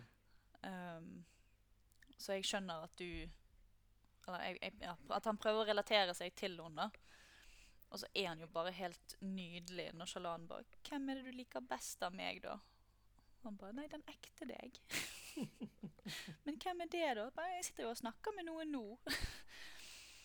og du sier at Shalan ikke er der, men vi har en helt fin, dyp samtale her om de innerste fryktene våre og feilene våre og liksom Ja. Han er jo litt sånn egentlig snakker jo litt om de samme tingene som, som Hoid, da. mm, Det er jo litt det samme. Hvem er, hvem er Shalan? Jeg, jeg lurer Shalan på. Og, eller hvem er jeg? mm, Så du er nå alle dem her, da. Det er nå deg. Ja. Shalan, ja, Radiant er hun som du uh, trener med sverd med. Jeg gjorde hun ekstra pen for deg. oh. Men hun Ja. sa jo at hun ikke ville gjøre det. Helt i starten med disse her. Hun, når hun tra skulle treffe Adelin, så ville hun jo ikke gjøre han Hun ville ikke lage en maske som var for annerledes. For det er da, hvis hun ikke var brukte den lysvevingen hele tiden, så ville det være veldig slitsomt. Og et Ja. bedrageri, da. Men hvis hun har liksom tatt et uh, lite eh, Instagram-filter på Radiant, så Hun har jo definitivt laga større pupper på. ja. Det har vært notert på et tidspunkt. Har du det? Ja. Nice. Ja, men jeg syns det var et veldig fint øyeblikk. Og du sa tidligere i episoden Marit, at du ikke var Team Adelin. Her ble jeg litt mer Team Adelin. Ja, jeg vet ikke. Vi kan jo gå videre, og så kan vi jo snakke om at Eidolin kanskje er litt Team Kaladin. Ja. Ja. Fordi eh, Kaladin han er Kaladin, og han nekter å høre på ordre og har klatra opp på styringsdekket der de ikke hadde lov til å gå. Så klart. Kaptein Notum ber han om å ikke plage mannskapet, eh, og Kaladin ber han om å frigi Syl. Notum sier at Syl er for ung til å ha et bånd, og at han burde drepe Kaladin for å bryte det. Men han blir flau når Kaladin spør hvor æresfullt det egentlig er. Stående på dekk så undrer Kaladin på den fjerde eden han må sverge, og på hvor vanskelig den må være. Og det her det gjør både at han og Syl kan kommunisere, og at han tiltrekker seg vindsprenn. De vindsprennene er det første vindsprennene Notum noen gang har sett, fordi de oppfører seg nesten alltid i det fysiske riket. Og når Kaladin forteller han at det også er en båndsmed som er knytta til stormfaren, så begynner Notum å vurdere å hjelpe dem. Ja, Og da ser vi jo liksom... Kaladin blir Kaladin inn. Og slipper Ja, unna med det som alltid. Ja, men jeg skjønner jo at han er, opp, at han er oppildnet, da. For han sitter jo og har liksom Syl sin frustrasjon og frykt Mm. i bakhodet hele tiden. Og Ja. de er, som Notum sjøl sier, et bånd er jo mye tettere enn noe annet. Mm. Eh, så eh, han vil jo bare hjelpe sprennen sin, og da gjør han det han kan, og jeg kaller det inn. Mm. Og, og du driter i, i range chain of command, som alltid. ja, som alltid. Den perfekte soldat. Yes. Den perfekte soldat som aldri klarer å ta imot en eneste ordre. Nei, men jeg, jeg skjønner liksom ikke jeg, Det er mye sånn Jeg føler at det er mye sånn law, skal jeg si, eller mye mystisk rundt Kaladin fremdeles. Ja, hva tenker du på? Nei, sånn som at det plutselig er vindsprenn der, da, som er når- veldig uvanlig. Når han driver og flyr rundt i, i vanlig òg, så samler han med seg masse vindsprenn. Og Syl Ja. har jo sagt at vindsprenneren er, vindsprennen er, er søskenbarna hennes på mange måter. Jo, men Så det er noe ja, der, der, er, det, da. er det bare det at han er Han, når, når han er veldig, veldig windrunner, så Når han er veldig vindløper, så tiltrekker han seg vindsprenn. Ja. Og her skal han jo beskytte Syl og passe på Syl. Samtidig som han ja. tenker veldig på hva det her fjerde idealet er. og eh, det er sånn at han eh, ikke skal ha, altså Hvordan skal han klare å beskytte alle og, og det her tingene? da. ja, vi lærer vel litt senere om at det er en quest, gjør ikke det? Jeg antar det er samme for alle, eller er det ikke det? Nei, det, det er sett sine. Så det er bare for uh, Skybreakers at du har quest som nummer fire? Ja, Ja. det er det. Um, Jeg tenkte det var samme, bare annen Quest, skal jeg si. Men ja, skjønner. Nei, det er, en- det er en annen greie her. Eh, det er litt sånn avhengig av hvilken orden du er. Ja. I, samtidig da, som, som Kaladin står her og er staut soldat og har vind i håret selv om det ikke blåser, og samler masse vindsprenn rundt seg og greier, så står eh, Whale og glise, og Adolin eh, ser det, da. Ja. Og eh, Adolin har jo også sett de her tegningene av Kaladin som Shalan har eh, drevet og tegna, uh, uten at uh, hun ville vise dem til henne. Ja, og jeg som var så stresset over det i forrige del. Bare, ho, han så ikke den tegningen. Ja. Men, men her er det jo liksom sånn Adolin blir jo litt kåt på Kaladin, han òg. Så Kadolin, er det det? Mm.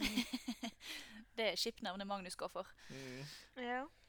Men det er jo litt her det kommer inn den her uh, trekantskipen, uh, Shaka, Shakadolin, heter det den heter? Det er noen som skipper dem som en skiplet. Det- det- ja. Jeg er ikke med på det. Du er ikke med på det? Nei, men mest blir det navnet. Jeg kan ikke med på Shakadolin. Ja, nei, nei, greit. Shakadolin. Shadolin? Hva Jeg tror det er Shakadolin. Jo da, men eh, hvis det var navnet, så vi må, Ja, ja. for, for da får, vi- får du finne på et annet et Marit. men eh, ja, nei, det er vanskelig å konkurrere med, med den mannen Kaladolan. der. Ja. Kaladolan! Ja, ja. eksempel. Nå er jeg med på den. Nå må det bli en triplet.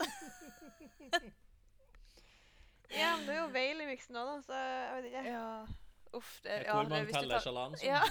Ja. hvor mange skal vi ta med? Hun er jo er jo egentlig tre. ja. ja. So far! Ja, hun driver jo og leker med tanken på å lage flere.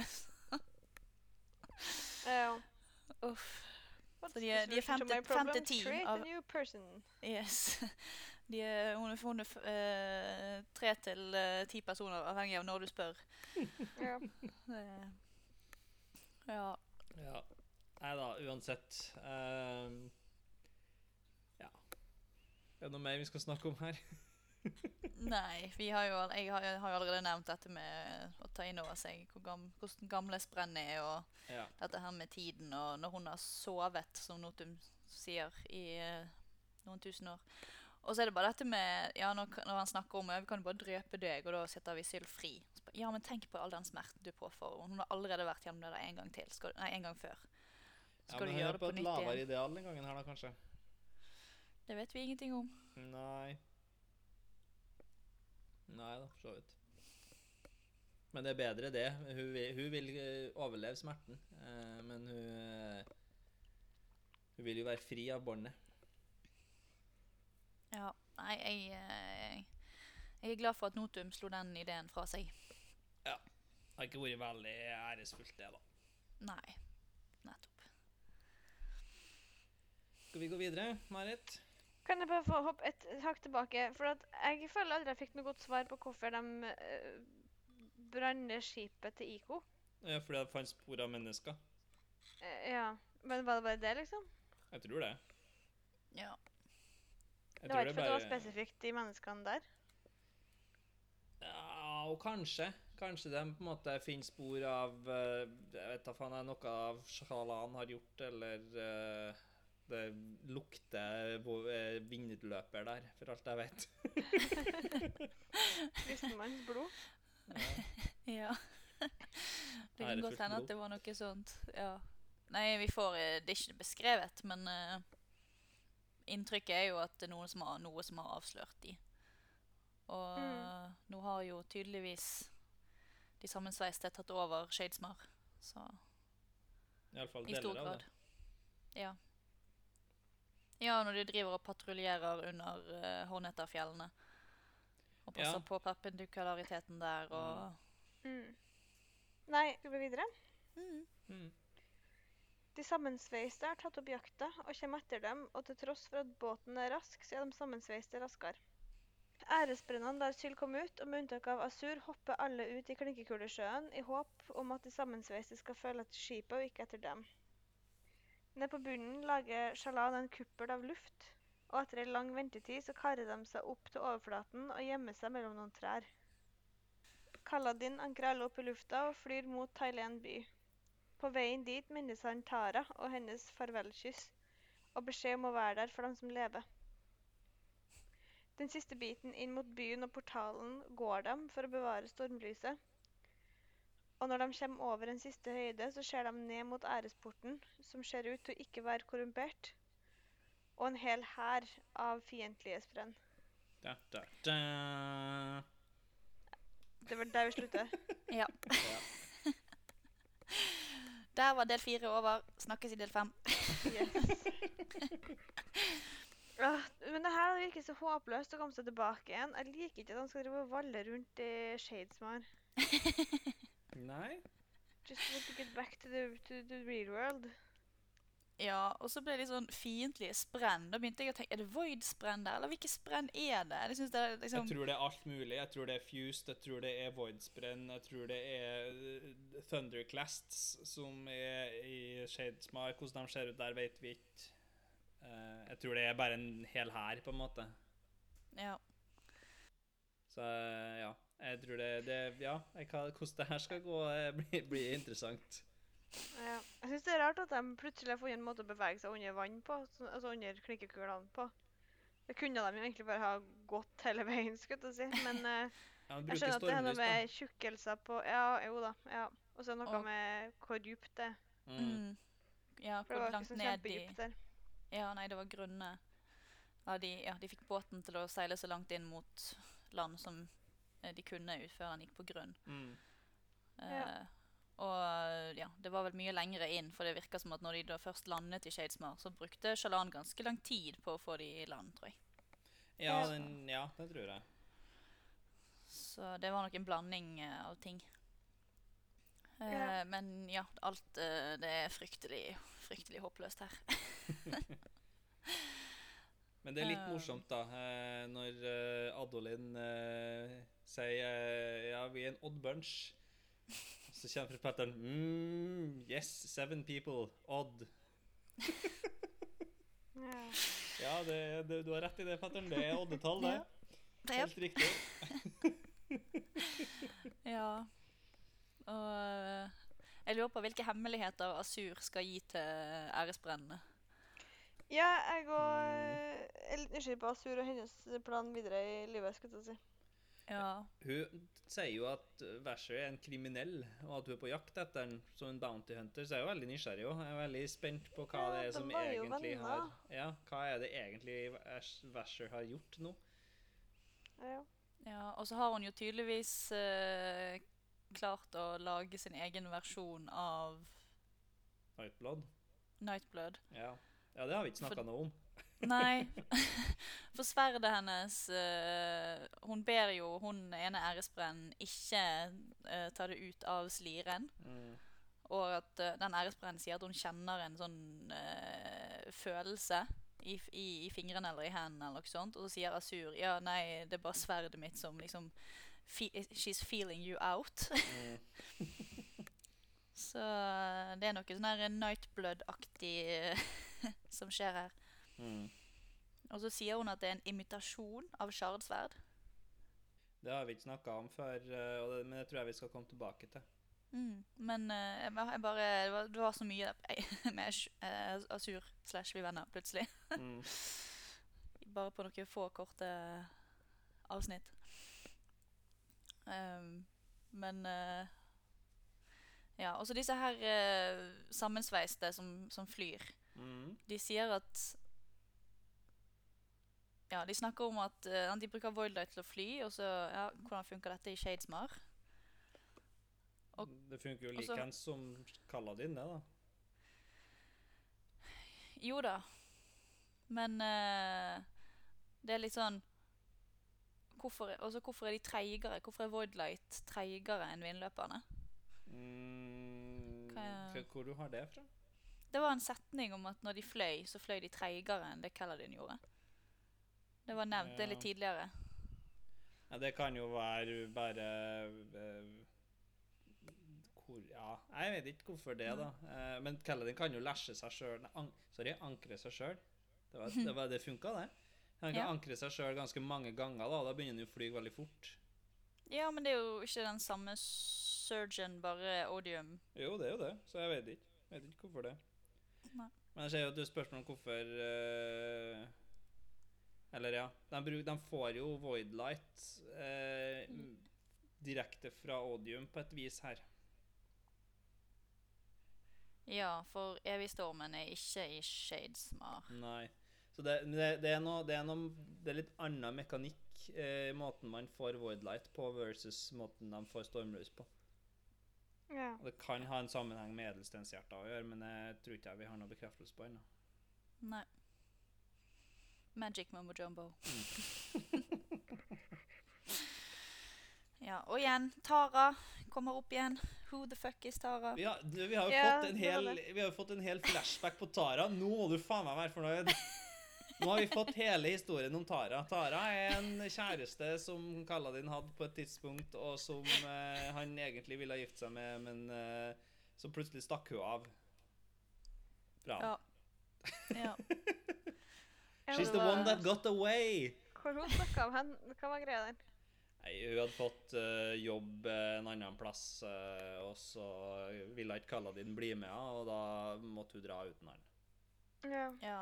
for Faren hennes begynte å bli eldre, og når han ikke kunne jobbe mer, og hun ikke kunne være assistenten hans lenger, så var de litt redde for at hun kom til å bli sendt til The Shattered Plains for å jobbe der. Um, ja. Så da har hun tatt en stilling i et uh, uh, slott istedenfor. Ja. Og Kaladin må jo passe på alle ungguttene i hæren. Så Det Ja, for det her er i Når, han kriger for Amaram, det. mm. Ja. Men Tien er jo tydeligvis død. For hun snakker om at han må eh, Ja. slåss for de levende, ikke bare tenke på de som er døde. ja. Ja. Jeg antar han er død. Det er et godt råd da, for Kaladin, som stadig vekk driver og er deppa over dem som er døde, men glemmer Ja. litt at faen, jeg har masse levende folk her. Ja. Ja. ja. Og så var det, det var litt fint at eh, Ja, det var veldig sånn normal dynamikk i den forstand at uh, typisk sånn uh, ung jente, første kjæreste Eller første, det vet vi ikke, men første kjæresten til Kaladin i hvert fall. Eh, og pappaen til jenten er ikke noe fan. og uh, Your dad hates me. sånn. Men uh, Noen tropes man få lov til å bruke. ja da. Det, det er fint, det. Så Nei da. Vi har fått, fått en del om Tara. Vi får vite at hun er, hun er lubben. det tenkte ikke jeg over. She, she, hun var plump. Var, var eh, det beskrivende adjektivet som eh, Ja. Brandon valgte å bruke. Ja, ja. Og at, og at uh, oh, Hvordan var det, da? Her beauty was uh, hidden. Eller sånn liksom uh, Den sne, kom snikende på deg. Det var ikke sånn 'oi, hun er vakker', men det var litt sånn etter hvert så bare 'å, du er fin'. Så det er good guy det? Kaladin. Hva betyr det? good, good guy Kaladin, som ikke bare går etter utseendet, tydeligvis. Jeg vet ikke hva det betyr. Nei, Nei, men jeg, er jeg bare Få en fin og, personlighet. Ja. Men det var liksom når det var det og at hun var lubben, så jeg bare takk. Takk, Brendan. For Ja. Tipp topp. Her har du han som blir beskrevet som hunken over alle hunker, og så øh, Men han, øh, han er mest interessert i lubne, gjennomsnittlige kvinner. Det er fint å vite. Ikke dumt, det. Nei. Nei. Men er det ikke hvorfor det er relevant til historien, på en måte. Hva det det gir. Nei, det gir jo ingenting. Det er bare en beskrivelse. Det er bare Linn som eh, har et par øyne og et håp om å få Hunky Hunk Man. Nei, men nei, jeg tenker Kaller du meg lubben? generelt, da. At uh, Ja, du har svart på den, Magnus. Hæ? Linn lurer på om du kaller henne lubben. Jeg sa ikke det. Takk, takk skal du faen meg ha, Magnus. Det, bare tolka, tolka litt det du sa. Jeg har ikke sagt noe som helst. Ingenting, faktisk. Henrik.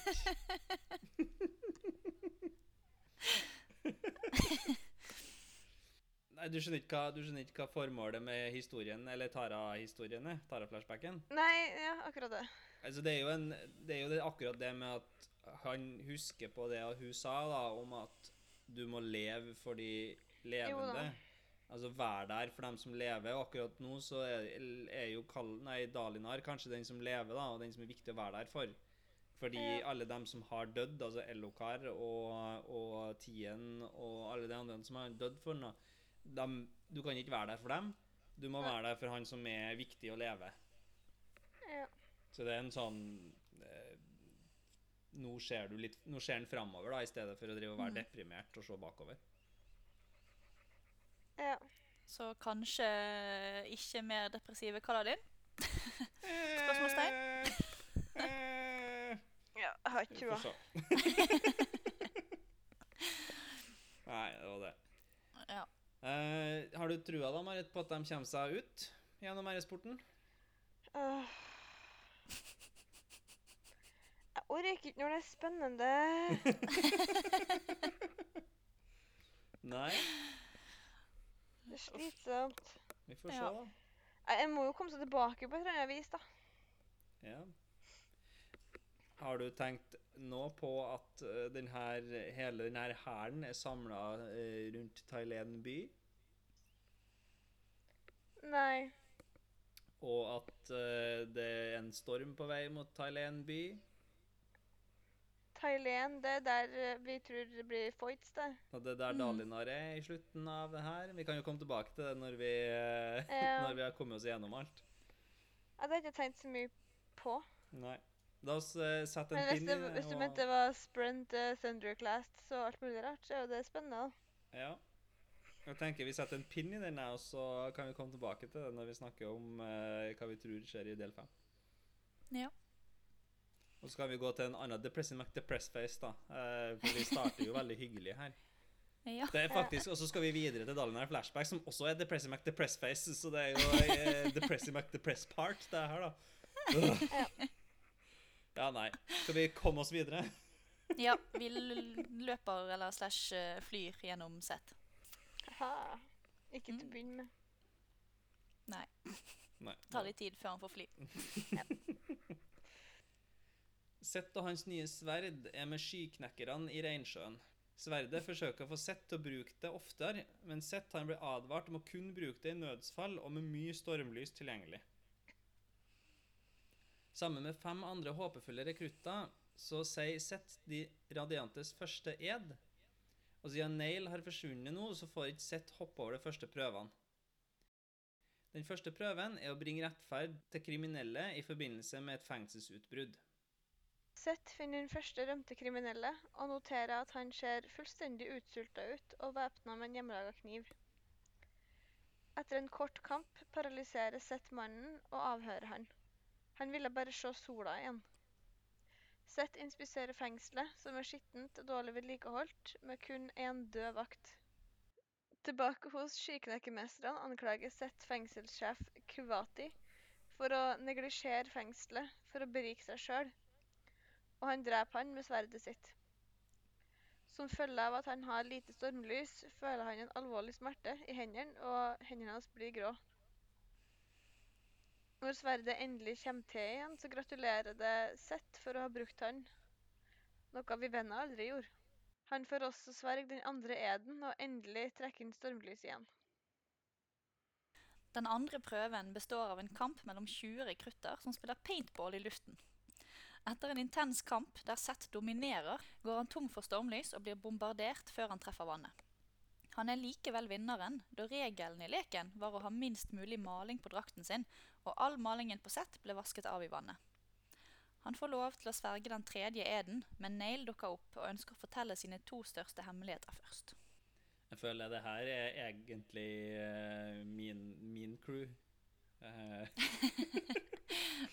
det viktigste er at reglene følges helt til punkt, og prikke. Ja, det er veldig Ja. Det Og det med hensikt eh, versus uh...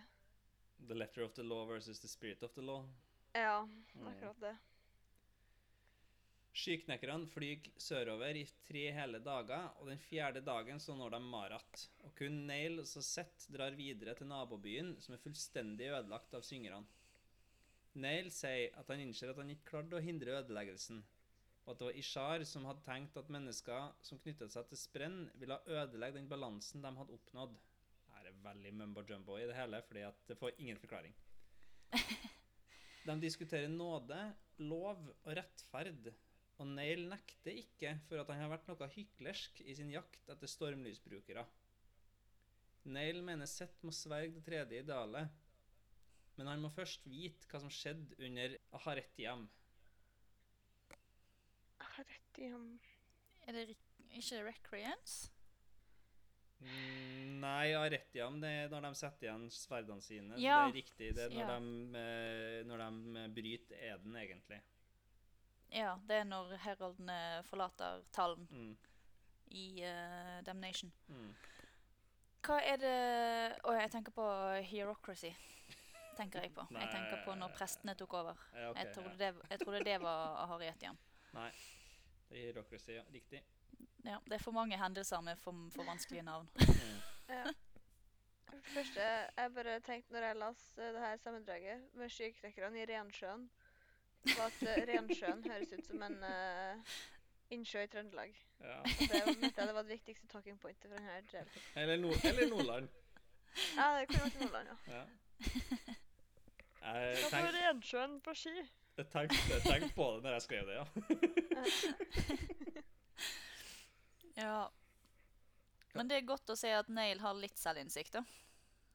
Når han uh, klarer å innrømme at han til en viss grad er hykler oppi det hele. Bare for å være meg. uh, Nail, det er da han samme duden som vi har holdt på med før, ikke sant? Ja, det er han som har prøvd å Som drepe jakta på alle. Ja. Mm. Ja. Det er vennen til Lift. Og nå har han innsett at ja, det er han som er um, The Darkness. The darkness. I believe in a thing called love. Det er han som også får en klem av uh, Lift, ja. Yes, til slutt der. Så han har jo fullstendig bytta litt på tankene sine, da, føler jeg. Ja, Han sier jo her at Ishar er den som har bedt ham om å drepe. Um, Hvem er Ishar, da? Ishar er en av de andre heroldene som vi også har fått bekrefta er han derre gale gudekongen i Tukar. Som har drevet og ført krig mot nabolandene sine. Mm. Ja. Så det, men han har sagt det, da, at uh, hvis, du, hvis, du, hvis menneskene driver og knytter seg til sprenn igjen, så vil kanskje denne balansen vi har med denne brutte eller hva man skal kalle ærespakten, uh, bli ødelagt, og ødeleggelsene starte igjen, osv., osv. Og Neil har bare tatt det for god fisk og eh, dratt rundt og drept folk med, på tynt grunnlag. Mm. Ja, han har ty tydeligvis veldig stor tiltro til det Ishar sier. Mm. Men han er av femte orden, som betyr at uh, he is the law. Ja. Så kan han Eh, Ja. gjøre hva han vil. Ja, det er jo det som er spørsmålet, da. Det er jo litt sånn uh, Hvis du er loven, hva faen betyr det? Uh, og Da er du enehersker. Ja, det er litt sånn hvis du hadde sagt at uh, Kaladin eh, på sin femte ed er beskyttelse. Hva betyr det her? Så jeg tenker jo at vi vil antageligvis få litt innsikt i det etter hvert, men, men at det er litt sånn vagt. For det er som du sier, da, nå øh, Nå har han jo en På et eller annet tidspunkt det er Hver fjerde eden så er det en sånn personlig quest du må utføre. Um, og den tredje eden eh, er vel en eh, At du må følge loven til punkt og prikke. Eller følge noe. Ja, han må følge noe. Ja. De, de eh, tidligere, før eh, Nail innser at han ikke klarer å stoppe de radiante fra å komme tilbake igjen, så har alle skyknekkerne som han har eh, introdusert inn i orden, de har sverget til loven. At de skal følge loven Mm. der de er til enhver tid. Mm. Ja. Men nå skal Seth bli den første som får et valg basert på noen annen informasjon de har, Mm. som vi ikke får vite. Eller, ja han, får, ja, han blir fortalt om når de stakk sverdene sine i jorden og forlot tallen. Mm. Uh, og så Nå mener jo Nail at det kommer til å kanskje endre hva Seth sverger til, da. Mm. Men jeg har jo også sett at Sett har sverga til denne steinen sin, da. Så det er jo det der han har fått uh, Han har jo egentlig fått beskjed Altså, Seth har jo tydeligvis fått beskjed på et tidspunkt at han skulle få hoppe over den første og andre eden og gå rett på den tredje. Mm. Fordi han har bevist at han kan følge den tredje allerede, egentlig. Ja, det er jo det han har gjort. Han har sverget å følge den som har Steinen. ærestein, Mm. og gjort det i seks Mer enn seks år, i hvert fall. Mm. Hvem er dere som har skrevet at uh, her crusaden til Sett er litt holocausty ut? uh, det var meg. Det var noe med um, Hvor står det? Nesten Ja. nederst. Ja, det var the, the ideal of the crusade. Mm. Um, At han skal rense Shinova. ja, akkurat det. Skal rense Shinova, det er det han har valgt å gjøre. Hva betyr det? Jeg vet ikke. Det høres litt Jeg er litt enig, det høres litt holocausty ut. ut. Ja. Han er jo pissed på de, da. Eh, Ja. Vel å merke, gjerne med litt god grunn. Når de gjorde han til troløs, når han ikke var troløs. Mm. Ja, de trodde jo han var troløs, da. Ja. Ja, eller var de bare redd, eller er det noe annet? Kanskje det er, er, det, noe, eh, er det noen ugjorte som har drevet og kødda borti der? Hvem vet? Vi får se. Ja, ja, men det vi begynner å vite nå, så Ugjorte kan jo være en ting, men det er jo også noe med Shinovar øh, Jeg føler alltid at de Jeg føler at de vet mer enn de andre. Ja, helt klart. Sånn at uh, Man vil ikke uh, Det er ikke sikkert de vil vite at vil, vil at det skal spre seg at de radiante er tilbake. Nei. Nei. Og så har jo de hatt æresverdene, og Sett har vel fått Ja, de har trent med æresverdene. Ja. Ja. All, at det er liksom noen utvalgte der som trener med æresverdene og sånn. Så de driver jo og er klar for et eller annet, da, kanskje. Kanskje. Um, og de hadde ni, og så har Nail vært og stjålet sitt igjen. Henta, tror jeg vi sier. Tatt det tilbake igjen. Mm. Men eh, ja, jeg, sy- ja, han har vært og hentet det tilbake igjen, men uh, en, en av, noe av greien med at de satte de i jorden i utgangspunktet, var jo at de skulle gi opp edene sine helt og, Mm. og sånn. Og Nail har jo absolutt ikke gjort det. Når han i tillegg til å være herolden av skyknekkerne og har valgt å bli en faktisk sky skyknekker. Ja, men han er jo Det var jo et eller annet med I det her uh, Gem Recordsen eller et eller annet, så var det noe med at uh, alle ordnene uh, unntatt én falt sammen. Mm. Det kan jo tyde på at Nail har holdt ordenen sin i live, da. Eh, etter Eller på et eller annet tidspunkt altså, Etter at de sa opp eden Etter sin, så har de, har de jo på en måte vært i Radiance etter det òg, og så på et eller annet tidspunkt så har Radiancen uh, knekt sammen i Recreance, men, men sett, nei, Nail har antakeligvis har fortsatt å holdt sin i live, da, Mm. på et eller annet vis. Så jeg vet ikke. Det er, litt, det er, my- det er mye spørsmål her. Mm. Ja.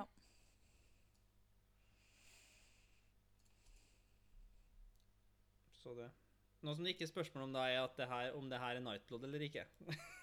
ja, det tror jeg vi har funnet ut. Destroy! Sword Nimi. Det er en veldig søt, uh, søt sånn tittel. Ja. Det Så det er veldig mye fokus på hanskebruk. Ja, altså greia var det at vi snakka jo om at eh, eh, Asur er vi venner, og at Asur alltid brukte hansker. Og at det Ja. kunne være fordi at du var grå på hendene etter å ha brukt Nightblood, men du har jo tydeligvis aldri brukt Nightblood. Altså, så Nei, dra- men det er ikke noen grunn til at hennes sverd skal være noe annet enn Nightblood. Nei, det er for så vidt sant, da. Uh, samtidig så føler jeg jo at uh, Jeg har aldri hørt at Vasher går med hansker. Men han er jo Mm, nei, returned, sånn at det er noe annet, Det annet, blir vel bare grå hvis du ikke har investiture. Ja, det kan Ja. for så vidt hende, da. For han hadde jo ikke noe stormlys nå. Han hadde ikke nok stormlys. Mm. Nei, han hadde ikke noe stormlys. Han hadde jo ikke lov til å suge inn stormlys ennå. Ja, men jeg mener at det var noe med at han hadde noen, noe stormlys Jo, han hadde det. Han hadde det der. Du får lov til å puste inn stormlys når du har sagt den første eden. Nei, ikke Ja, ifølge kan- sammendraget vårt. Nei. Hmm. Men iallfall, det var noe med mangel på stormlys. Og Ok, så ja, my bad. Så bad. Ja. Men ja, for det jeg, Vi venner har jo brukt Nightblood, men jeg, jeg tror hun bare han brukte Nightblood med sliren på. Ja, ja, det var det, det som var poenget mitt. altså At hun har aldri Mm. trukket Nightblood, da. Nei. Nei. Nei, jeg bare hang meg opp i det, for det, var- det, det var liksom nevnt at hun brukte hansker. Men det kan Mm. jo ha vært i sammenheng med at hun bruker hansker istedenfor en uh, sånn her safe hand. Safe Dekke. sleeve, safe pa Ja. pouch. Jeg husker ikke hva det heter. Ja, noe sånt. Men hun um, Ja. Hun har jo sitt eget sverd. Jeg tenker jo det antagelig funker på samme måte som Nightblood, men eh, jeg vet jo ikke det, da. Ja, antageligvis. da. Håp- Forhåpentligvis så har de forbedret prosessen litt, men eh, ja. Ja, Ja. det er um, Jeg syns det er hyggelig, jeg. Alle kapitlene med eh, Seth og Nightblood, når det plutselig så bare snakker liksom Nightblood åpent om vi venner og Vasher og Ja. Ja. Å, blast from the past, gamle venner, hallo! ja. Det må være helt ve veldig forvirrende å, å, å høre hvis du ikke har lett de bøkene fra før. ja. mm. Hvem er det her, folkene? Jeg får. Nightblood Ja. nevne Shas... Shashara? Shashara, Mm. Eh, som sett sier at det høres ut som Shalash, som er the eastern name of the herald Shush, daughter god. Mm. Ja. Eh, og så var det sånn her, er det noe jeg burde forstå ut ifra det her? Og så snakker vi daughter god, og så er spørsmålet er det Syl? Syl er ikke en herold. Uh, Nei. Shalash Nei, men hun er jo dattera til en gud. Ja, uh, Shalash, daughter god, er Vi lærer om det seinere. Gjør vi det? Det, det er en rafo. OK. It's a rafo. Uh, It's men det er ikke. Shashara, da. Nei. Det kan vi si. For Shashara vet vi at det er en person i Warbreaker. Ja, jo- Shashara var vel en person som har, de ikke var venn med lenger. Jeg verser har drept Mm. Shashara. Ja, det, Ja. sånn var det. Ja, det var hun som lagde Nightblood. Det var søsteren til Dent Mm. Ja. og kjæresten til Vasher. Mm. Fram til han drepte henne. Mm. Good Ja. Fram til de ikke var kjærester lenger. Mm. Um, OK, nei, men da skal jo jeg ikke tenke så mye på det. Nei. Ja, du kan også, ha det med deg, da. Ha, med deg navnet, iallfall. Uh, og Shalash er da herolden som navnet til Shalan er bygget på. Ja. Um, er det noe mer her? Uh, Shashara Det er vel noe med Shash er jo den der uh, glyffen Ja. I, på panen til Kaladin som betyr farlig. Ja. Så det er vel noe med noen bokstaver eller Nei, noe det- vokabular eh, eller Nei, noe? det som er, er at eh, Brandon har ikke tenkt seg helt om, hvis jeg husker riktig. Okay. Uh, og så har ting fått litt for like navn, og så begynner man å lure på er det noen sammenhenger her, og så er det sånn Nei, det her er Så har Brandon forklart det da med at det her er en sånn sak der at uh, du, har ikke, du har på en måte bare så og så mange lyder du kan lage med en munn. Eh, Ja. Sånn at språk ender opp med å ha like lyder Mm, eh, ja, okay. for ting. Ja. Så, så det, jeg tror, tror, hvis jeg ikke husker feil, det kan jo hende at jeg gjør det, så er det, er det ikke noen sånn direkte sammenhenger mellom ting her. Nei. Mm, Yes. ja. Skal vi ha et annet litt sånn uh, Uh, Seth har på et eller annet tidspunkt når han var ung, hørt en stemme som sa til han at uh, Radiante er på vei tilbake, og at uh, den siste ødeleggelsen var på vei og greier. Who this be? Yeah. Vet ikke. Nei. Det er lurt at jeg skrev 'da fuck'. Uh, og så hører han jo skrikene. Han driver og hører skrik hele tida.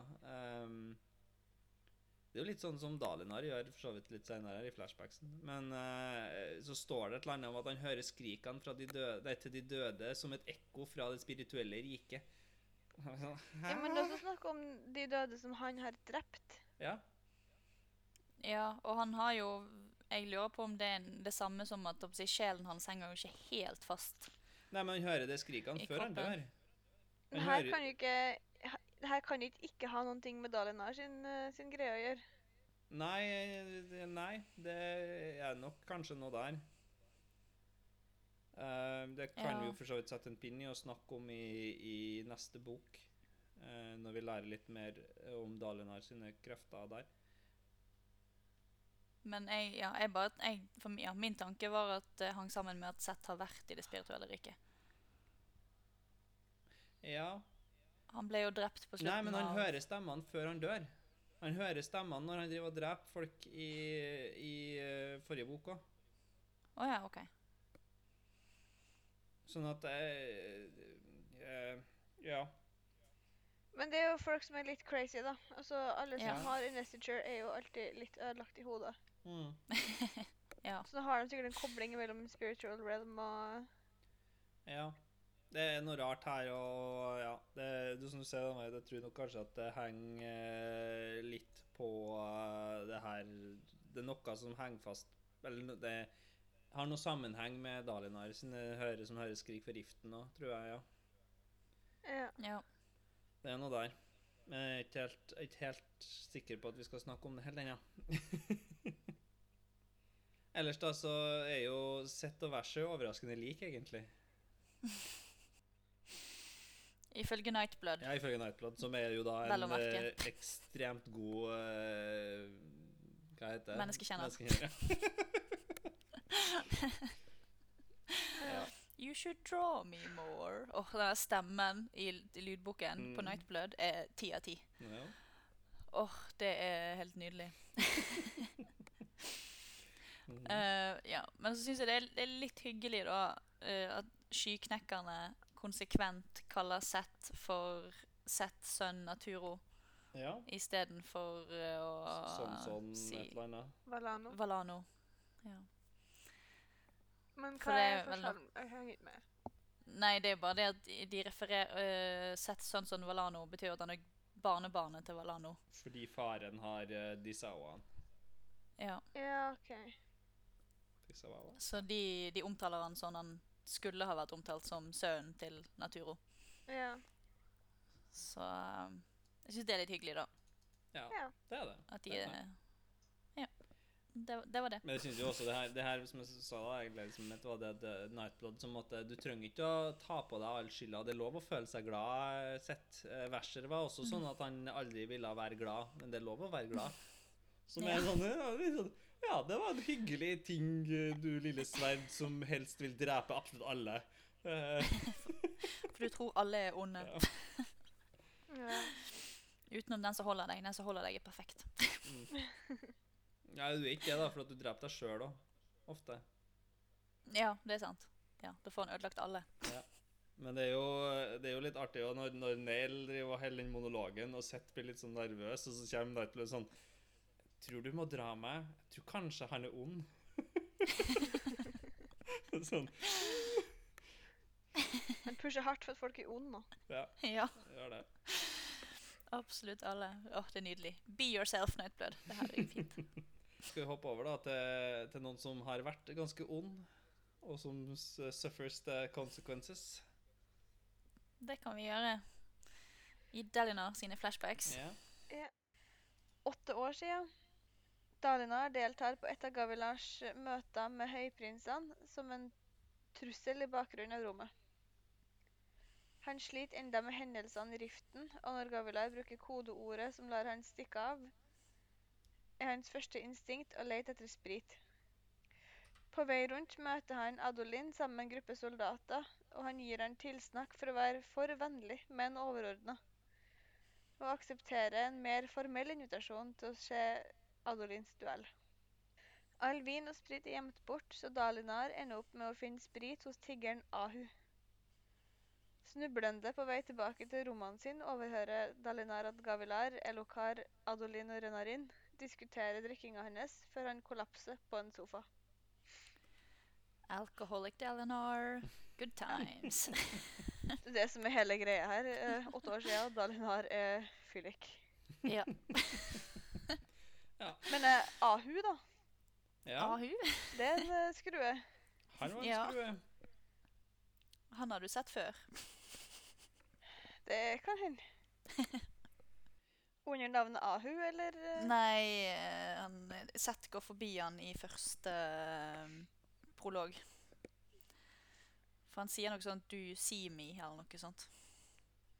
Og Ah, han eh, jeg tror han sa det samme her. ja, OK. Det har jeg ikke tenkt på.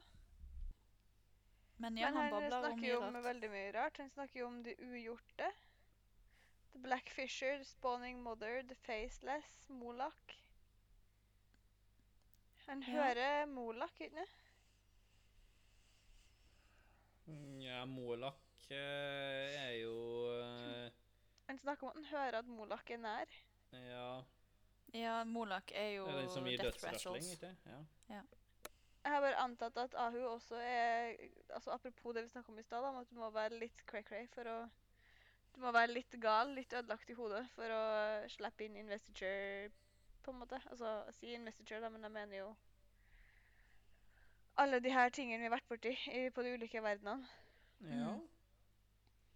Mm. han babler om mye Så jeg Så føler her. så Ahu har litt uh, det samme. da. Han er litt eh, åpen i hodet og hører derfor uh, Molak. Ja. Men eh, jeg skjønner at han eh, er en eller annen viktig person her. Han er jo en sånn Hoid-type, føler jeg. ja, han virker jo veldig Han virker ikke som en helt normal tigger. Ja, eller han kan jo være en helt sånn normal, gal, gal person, da, men eh, Ja, men han har jo tydelig noe informasjon. ja. Mm. Ja, nei, det. Det er godt gjort å plukke opp på det, da. For det Egentlig, det som skjer, er jo bare at Delenar går der og får litt sprit av den skitne tiggeren og drikker seg dritings på uh, Horneater White. Mm.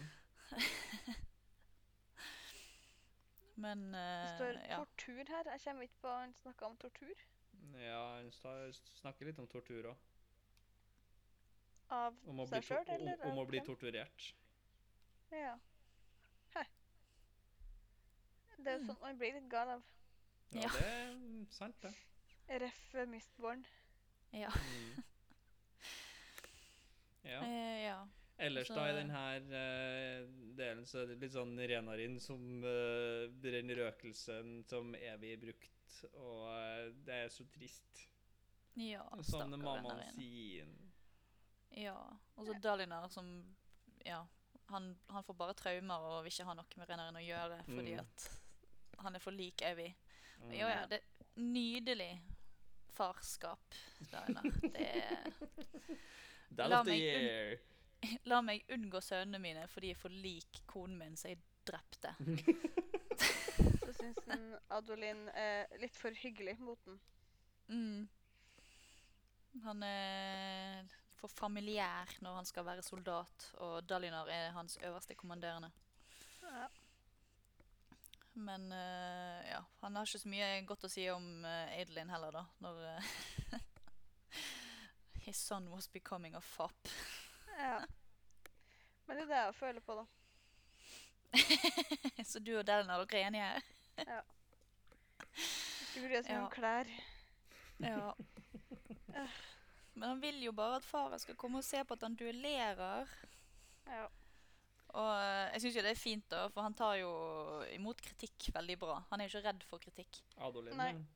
Nei, Han blir jo ikke sur eller lei seg sånn når eh, Dalinar eh, retter på han. han da bare gjør han det skikkelig neste Ja, gang. og så syns jeg det er veldig Dalinar om å ta seg litt sjøl litt i det. At uh, faen, ass. Uh, skulle ikke ha blitt så sur. Han er jo veldig ærlig og redelig, han er gutten min.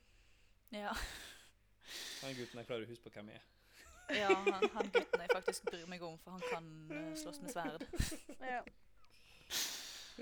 Og Rennerin får the short end of the stick hele fuckings tiden. ja. Men du så Ikke, kanskje ikke det neste, da. Neste delen Nei. her, så er det, får han en liten uh, En lit, litt, litt lengre del av pinnen. Ja. For syv år siden, eh, da Dalinar ransaket rommet sitt på jakt etter mer vin, og ute på jakt så kjenner han seg som seg sjøl igjen, og det hater han. Når Adelin og Renarin kommer inn for å se hva alt oppstyret er, så hudfletter han de og hiver de ut. Rennarin kommer tilbake med en liten flaske vin og gir han en klem, og Dalinar synker inn i klemmen og ber den allmektige om å få fri fra øh. Rennarin kommer tilbake med en liten flaske vin og gir han en klem, og Dalinar synker inn i klemmen og ber til den allmektige om å få fri fra skrikene han hører. Det er sånn du får pappaen din til å være glad i deg. Du gir han alkohol. ja. Det er eneste som tenker på Dalinar. ja. Men det er jo Hvor gammel er Rennarin her, da? 13? Ja. Ja, Tolv, Noe sånt. spør han jo. Dalinar, eh, sitat uh, Adeline stood his ground, almost 17 now, fully a man. The other one, the invalid, cringed down. He looked younger than his What? 12 years? Så altså, Dalinar vet ikke hvor gammel han er. Nei. Nei. Å, det er så trist. Så da kan ikke vi vite hvor gammel han er. Nei. Dad of the year. Det er så trist at vi må le litt. Han er Dad of the Year i 2000, nei, åtte år siden. Han er Dad of the Year for sju år siden. Ja. Og Rennarin som bare vil gi han en klem og passe på at han har det bra. Uff. Ja. Men det er litt trist, da, for Dalinar tror jo at Evy har stappa hodet deres med løgner om han, og det er jo på en måte helt motsatte. For både Adolin og Renarin ser jo kjempeopp til han på det her tidspunktet Mm. òg. Mm. Så det er litt sånn uh, Ja da. Han blir jo Evie litt paranoid ikke- oppi det hele. Ja, Evy har ikke gjort noe annet enn å si gode ting. Mm. For hun så jo potensialet i Dalinar. Mm. Ja. Hun ville jo bare at han skulle slutte å være et beist. Ja. Det er trist, ass. Ja. ja. Skal vi gå videre til seks år siden? Seks år siden. Dalinar smertes av å se sin bror liggende død på ei steinhelle i de kongelige katakombene i Kolinar. Etter prekener og dikt så støttes Gavilar opp og sjelesmis til en statue av stein. Elokar proklamerer at han ønsker hevn over Pashendian, og høyprinsen gir han støtte mens Dalinar forlater kapellet. Adolin kommer etter han, og Dalinar gir han beskjed om å gå tilbake og gi Elokar støtte på vegne av hus Kolin. På vei tilbake til romanen sin for å drikke, hører Dalinar en stemme som leser og blir tiltrukket av ordene. Jasna står og leser fra kongens vei, og fortsetter når Dalinar ber henne om det. Hun leser ut boka, og de griner sammen i et personlig farvel til Gavilar. Det er en lang bok, ikke Eh, Jo, åtte timer. Senere snakker Dalinar med Adolin og beklager at han har vært en dårlig far for han og Renarin. Han sier han skal reise i forveien til de knuste slettene med et rekognoseringslag, men planlegger i hemmelighet å besøke nattevåkeren på veien. Jeg, jeg får tårer i øynene jeg, når uh, Jasna og Dalinar får, uh, gir en liten klem på slutten der. Ja, og så jeg syns det er veldig fint, fordi det er eksplisitt sagt i boken at Jasna trekker seg unna når Navani prøver å trøste henne Mm. under uh, selve seremonien. Og så etterpå så kan hun og Dalinar stå og klemme Ja. litt og trøste hverandre. Men eh, det er jo en litt sånn spesiell begravelsesskikk, dette her, da. Når Ja. de sjelesmir liket til stein. Jeg syns det er fint, jeg. Å ja. Men ja, jeg bare fikk en sånn her merkelig følelse rundt det. For det virket som Det ble liksom eksplisitt sagt at prestene var ukomfortable med det.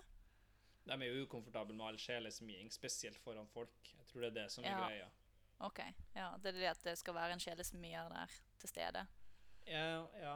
det er jo det. Ja. Det er jo en, eh, en Ok. sjelesmed til stede som har litt sånn granittfingre, og øynene glinser som diamanter videre. Det har alle de her tingene, da. Mm, ja. Ja. Men jeg syns det er fint da, at du på en måte bruker like gjørende til stein. Det er mye hyggeligere det enn at det skal ligge i jorda og råtne. Ja, det er Jo, en veldig interessant sånn eh, Det er jo en- Man gjør, har jo gjort det her enten med, med mumier, da, eller med på en måte Men det er eklere. Ja, men med, med at Men med at man har laga statuer av de kongelige, da. Men her så på en måte Ja. får du jo bevart personen litt òg. Ja.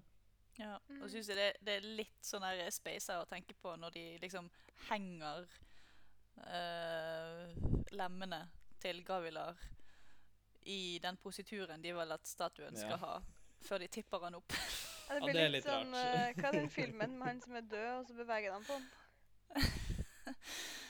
Det vet jeg ikke. Ja, Hva du nei, sikter til. Kjent referanse. Jeg har glemt. Oh, ja, ja. Nei, jeg bare jeg ser for meg liksom at de binder tau rundt ulike deler av Gavilar. Ja, De har jo gjort sånn det. uh, Ja. marionettdokke. ja. Men uh, ja. Jeg syns det var artig da når, eh, når eh, Dalinar spør ja, hva gjør vi, et, nei, hva gjør vi når vi har tatt tilbake himmelen. Mm. Og så kommer presten på Dalinar, som er på en måte lei av å slåss og vil egentlig ikke slåss mer. Presten bare slapp av, Dalinar, du skal få slåss masse i himmelen. Gud vil alltid finne nye kamper for deg. Bare, ja. You fully missed the mark there. Ja. ja. Nei, jeg, jeg hadde en sånn tanke om uh, Altså, Dalinar skal vei for å drikke, og så hører han uh, Way of Kings, og så trenger han ikke å drikke lenger. Han kan bare høre på boka i åtte timer. Så jeg følte det var litt sånn i forhold til Brann Sanderson, som er mormoner. hvis du bare får ei god bok om etikk og Etikk og moral, ja, så, så Du trenger ikke å drikke. Nei. Og så har han endra hele personligheten sin på bakgrunn av det. Jeg tror ikke at eh, Jeg tror nok kanskje det skjer noe mer hos nattevåkeren. Jo da. Eh, Ja. Gjør nok det. Nå har vi jo fått stort sett hele forhistorien opp mot at han har bestemt seg for at han skal dit. da, så det er, jo, Mm. det er jo det store mysteriet. Hva er det han har fått av eh, blessing og curse? mm. Mm. Han har jo tydeligvis glemt masse, da. Men er det blessing eller er det curse? Nei, det det det. er jo nettopp det. Det er jo det som er spørsmålet. Og hva er den andre? Ja. Det er nettopp det. Read and find out, Marit. Yes, Ja. I'm working on it. Yes. Da kan vi gå videre til uh, det som jeg har kalt uh, Uritiro-gjengen på eventyr. Jeg syns de er med så mye på Jo, de er jo for så vidt i Thailand, da. Og Ja, han er jakka ved. Ja. Hei, du. Vi har endt opp med tekniske problemer under opptaket av denne episoden, og resten av denne episoden er deres spilt inn hele fire måneder senere, godt etter at boka var ferdiglest. Diskusjonen er derfor litt tynn, men vi fant ut at dette var beste måten å gjøre det på, for å få dekka de tingene vi har lyst til å snakke om, uten å gi dere noen videre spoilers. Navani har bedt alle monarkene om å bringe sin egen stol til deres første koalisjonsmøte. En gammel Aletti-tradisjon. Ettersom Dalinar har blitt veldig innesluttet etter hans minner om Evy kom tilbake, leder Navani møtet på lik linje som hun styrte Aletka mot slutten av Gavilar sitt liv. Koalisjonen består av delegater med mange intrikate meninger, og Navani forsøker å få alle til å dra i samme retning ved å spille på de ulike folkenes styrker. Asir sitt byråkrati, Thailand sin handelsstand og Aletkar sine soldater. For å få litt forandring så besøker Dalinar Vedenar, Jakeveds hovedstad, knust av borgerkrigen og evigstormen, for å inspisere forsvarsverkene. Han får tilbake alle minnene om Evig, med unntak av besøket hos nattevåkeren, og med dem alle skrikene av døende barn. På toppen av muren så kommer Taravangian bort, og de diskuterer valg og veier, og at moralitet og lover er bygd på ryggen av de døde. Diskusjonen blir for mye for Dalinar, allerede overveldet av skrikene av at skrikene er tilbake, og han unnskylder seg og forsøker å finne noen soldater for å ha noe kjent rundt seg. Der finner han noen veteraner og, spør en av dem om hvordan borgerkrigen ble opplevd. Svar, som svar hos flere får en beskrivelse av spenningen, og den våkner til live igjen i Dalinar. I et forsøk på å flykte fra spenninga og minnene sine, så springer Dalena rundt i Vedenar som en gav mann, og ender opp ved æresporten, hvor et prestefølge møter han. De erklærer Dalenar som kjetter, og i frykt for å drepe dem, stormer Dalenar inn i kontrollrommet. Og til tross for stormfarens advarsel om at han ikke vil være et sverd for han, så klarer Dalenar å aktivere portalen med noe hvitt og lysende, som han maner fram med båndsmedkreftene sine. Fram i Irutiru leter han fram boka 'Kongens vei', men siden han ikke kan lese, hjelper det han lite. Inn på Adolin sitt rom så finner han en flaske vin som han styrter. Dalinar, da. Tilbake på flasken. Let's get drunk. Det er problemet med å ikke kunne lese. Du finner ikke, trøst- du finner ikke trøst i Bibelen din lenger hvis du ikke kan lese den. Nei. Da er det bare å finne en flaske sprit, ass. Da har ikke du så mye valg. Ja. Ja. Men skal vi begynne med disse stolene til Navani? ja. Det er den der som har med seg den, den kjipeste. Ja, ja, pinnestol, den kan ikke ha noe annet. Han kanskje være, komforta ja, komfortabel. Hva er det du snakker om? En liten krakk helst, ja. Ja. Ja, ja. Og Lopen har så klart en trone. ja. Ingen som forventer noe annet. Han er jo tross alt konge. Det eneste jeg kunne ha, ha, som kunne ha gjort det bedre, var at han insisterte insistert på å sitte i taket. ja. Så de, de eh, tilpasser ikke seg etter den faktiske maktstrukturen, i hvert fall. Nei, Nei, det er sant. Sånn som de her uh, asirene er. Asir-folkene gjør, ja. Mm. Ja, ja. Nei, jeg føler uh, hos alettiene så er det sånn choose your own adventure-opplegg med stolene. ja. Og så er de fra Asir, de er, de, vok de er faktisk voksne i rommet. Ta Thailand òg, men det står vel ikke beskrevet så mye, tror jeg ikke. Jeg husker ikke hvordan, men helt sikkert helt vanlig stol. Ja, sikkert. En passende stol for en dronning, tenker Mm. jeg. Det er, noe, det er jo en kommentar om at så fort de eh, slipper fri i pausen, nå, så hiver hele Bro 4 seg over eh, over, Eller er det et senere møte der kanskje de hiver seg over maten? det er liksom ingen kutyme på noen av nå. Hvem trenger kutyme? We fight, that's what we do. Mm. Så som du sier med Choose Your Own Adventure, så er det jo veldig artig med eh, Litt skuffende kanskje egentlig at Subaria like kommer med massasjesenga si. Ja, ja. Og at Polona ikke er med. Mm. Kanskje det er derfor. Jeg vet ikke om hun er med, jeg husker ikke. Hun er bare med når det er parmassasje. Mm. Ikke sant, da, for hun er også med på slagmarka. Men det er jo fremdeles druer og bok, da. Men uh, likevel. Ja. Mm. Da er det husmorsporno. All the way. Du mener det? 100% Jeg er uenig. Jeg vil tro at det er Hun virker på meg som en karakter som leser mye tyngre stoff. Tipper at hun leser på økonomisk teori og, og Kanskje ikke vitenskap så mye som det, men, men business og så videre. Ja. Jeg tror det er husmorsporno. hans. Jeg føler hun er mer en sånn sosialt hyggelig person enn en uh, strategisk smart person, kanskje. ja, men hun er, jo, er jo hun er jo den som driver husholdningen til Sebarial. Just saying. Ja Men jeg tror Sabarial gjør mer enn det vi har fått sett. For vi bare ser han være douchebag for å være douchebag. Ja, det er kanskje sant, det. Men han, han er jo eh, han, har, han er jo virker som en smart fyr til å drive med det de driver med. Han er jo en, han er jo en dyktig, dyktig eh, Handelsmann. ja. Ja. Mm. Ja, Så jeg tror han har jo bare et ytre si, Han projiserer en utgave av seg sjøl, sånn at andre undervurderer han, sånn at han får styre med sitt for seg Ja, sjøl. ja. Og bli hvit. Ja. Men ja, du kommenterte på det, Magnus, i det her eh, møtet med koalisjonen, at uh, Navani eh, ser på dem mens in ingeniørete øyne. Mm. Det er masse snakk om samspillet og samspillet mellom folkene og hvordan de skal eller hvordan de fungerer sammen, da, akkurat som i en fabrial. Mm. Hvordan passer tannhjulene sammen her? Ja. Ja.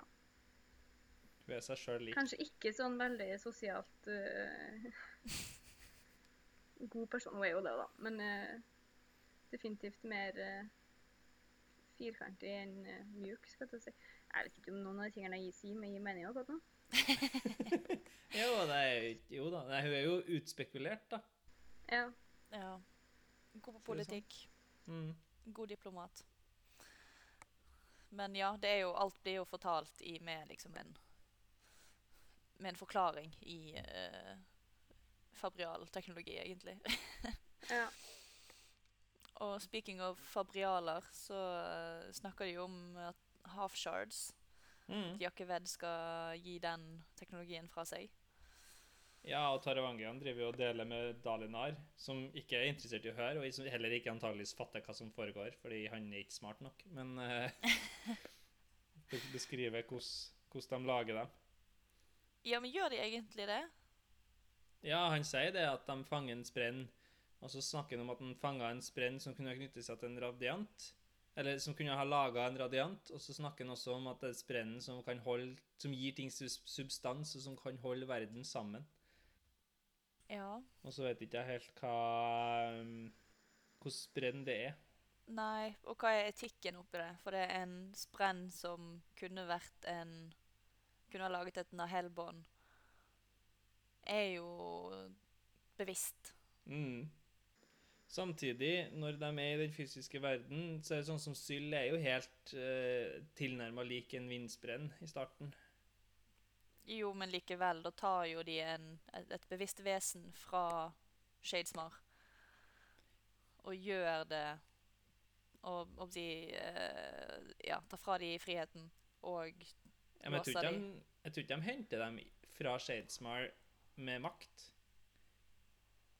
Jeg vet ikke om det gjør det noe bedre at de frister dem til det fysiske riket med noe de har virkelig lyst på, men eh, altså mm, Jeg syns eti etikken oppi dette her er litt sånn i, Shady, to say the Ja. least. ja, ja. For så vidt enig. ja. Jeg er veldig nysgjerrig på hvordan sprenn det her er, da, for at uh, jeg vet ikke hvordan uh, det, det står ikke, og det er ikke veldig tydelig. Det som den sprennen som gir ting substans, og som holder verden sammen. Jeg føler ikke at det er noen av de sprennene vi egentlig har snakka om og møtt så langt, i hvert fall, som er helt dekkende for det. Nei. Jeg syns du egentlig vet det her, nå bare sier jeg tingen for du skal få meg til å tenke, eller?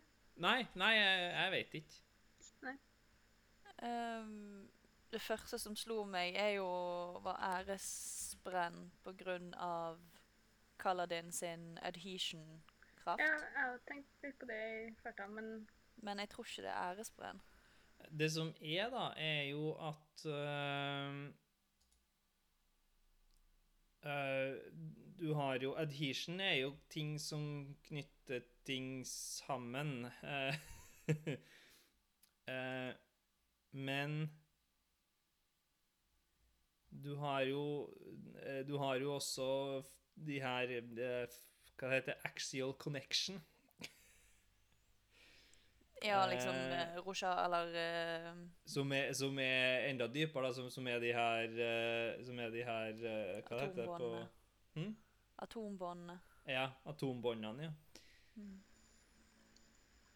Så det Ja, jeg henger ikke helt med. Men det vil være en annen type radiance som har adhesion som kreft. Ja, det er Ja, båndsmitten. Dalinar. oh, ja, ja, det er Dalinar, selvfølgelig. Og der er det jo bare én, sånn at det kan jo ikke være det. Nei. Det er bare Men det er jo Du har jo andre, da, som sagt. Du har jo andre krefter som kan på en måte være der. Ja. Cohesion heter det her. eh, The surge of strong actual interconnection. OK. Can be manipulated to alter objects at a molecular level. ok. Ja. Men det har ikke vi lært så mye om, så det trenger ikke Nei, vi å- ikke i det hele tatt, egentlig. Nei. Og så er det bare å stålse stålsette seg, folkens. Skal vi ha en ny krangel om aluminium? Sølvaktig metall som faller fra himmelen og kan blokkere shardsverd. Og som er veldig lett. ja, jeg tenker jo det må være aluminium, siden det blokkerer shardsverd. Det er bare aluminium som driver og blokkerer ting, slash eh, fjerner krefter. Ehm, Jeg vet ikke om jeg er up for en ny krangel. Jeg orker heller ikke å ta den nå. Eh, så jeg tror jeg bare står over det. Men, eh, men det er jo interessant. Vi fortsetter med aluminium som eh, tematisk eh, anti-investiture-funksjonalitet. Ja. Det har vært noen diskusjoner vet jeg, om hvor mye aluminium trenger du eh, for å blokkere deg. Eh, jeg tror konklusjonen har vært at du må ha eh, du, du må ha mer enn på en måte, enn en måte aluminiumsfolie. Fordi at det må faktisk kunne blokkere noe virkelig Altså noe fysisk òg. ja, OK, så det må være en plate, liksom. Ja, men jeg, jeg er ikke helt sikker, så ikke siter meg. Ok. Så ikke folie, men kanskje tynnplate? Ja, kanskje. Eventuelt hvis du har folie utpå stålen, vil det fungere godt? Mm, ja, Det var det jeg skulle foreslå, skal jeg si. Coating, aluminiumscoating. Ja. Hvor tynt lag kan vi ha? Kan vi bruke spray? Aluminium kan jo eh, kjevles ganske tynt, så Ja. det Ja, det kan jo sprayes på. Vi, eh, jeg vet om uh, aluminiumspraying. Ja. Ja. Ja. det gjør vi på våre produkter. Jeg vet ikke om det nødvendigvis blir tynnere enn folie. Jo, da er du nede i my. Ja. Jeg tenker kanskje du kunne være det på folie òg, men uh... Jeg husker ikke, folien er veldig, veldig veldig tynn. Ja. Det er ikke så mange lag, men, uh... men Anywho. Anyhow. Uh, ja. Hva som skjer med Dalen og spenninga, folkens? Eh, Nei, jeg føler jo at spenninga bare driver og angriper Dalen her. ja. Ja. Jeg bare tok den eh, kjappe segwayen der, jeg, bort ifra aluminiumen. Ja, han eh, Han gjør jo det på en helt annen måte enn det virker som eh, han gjør for andre.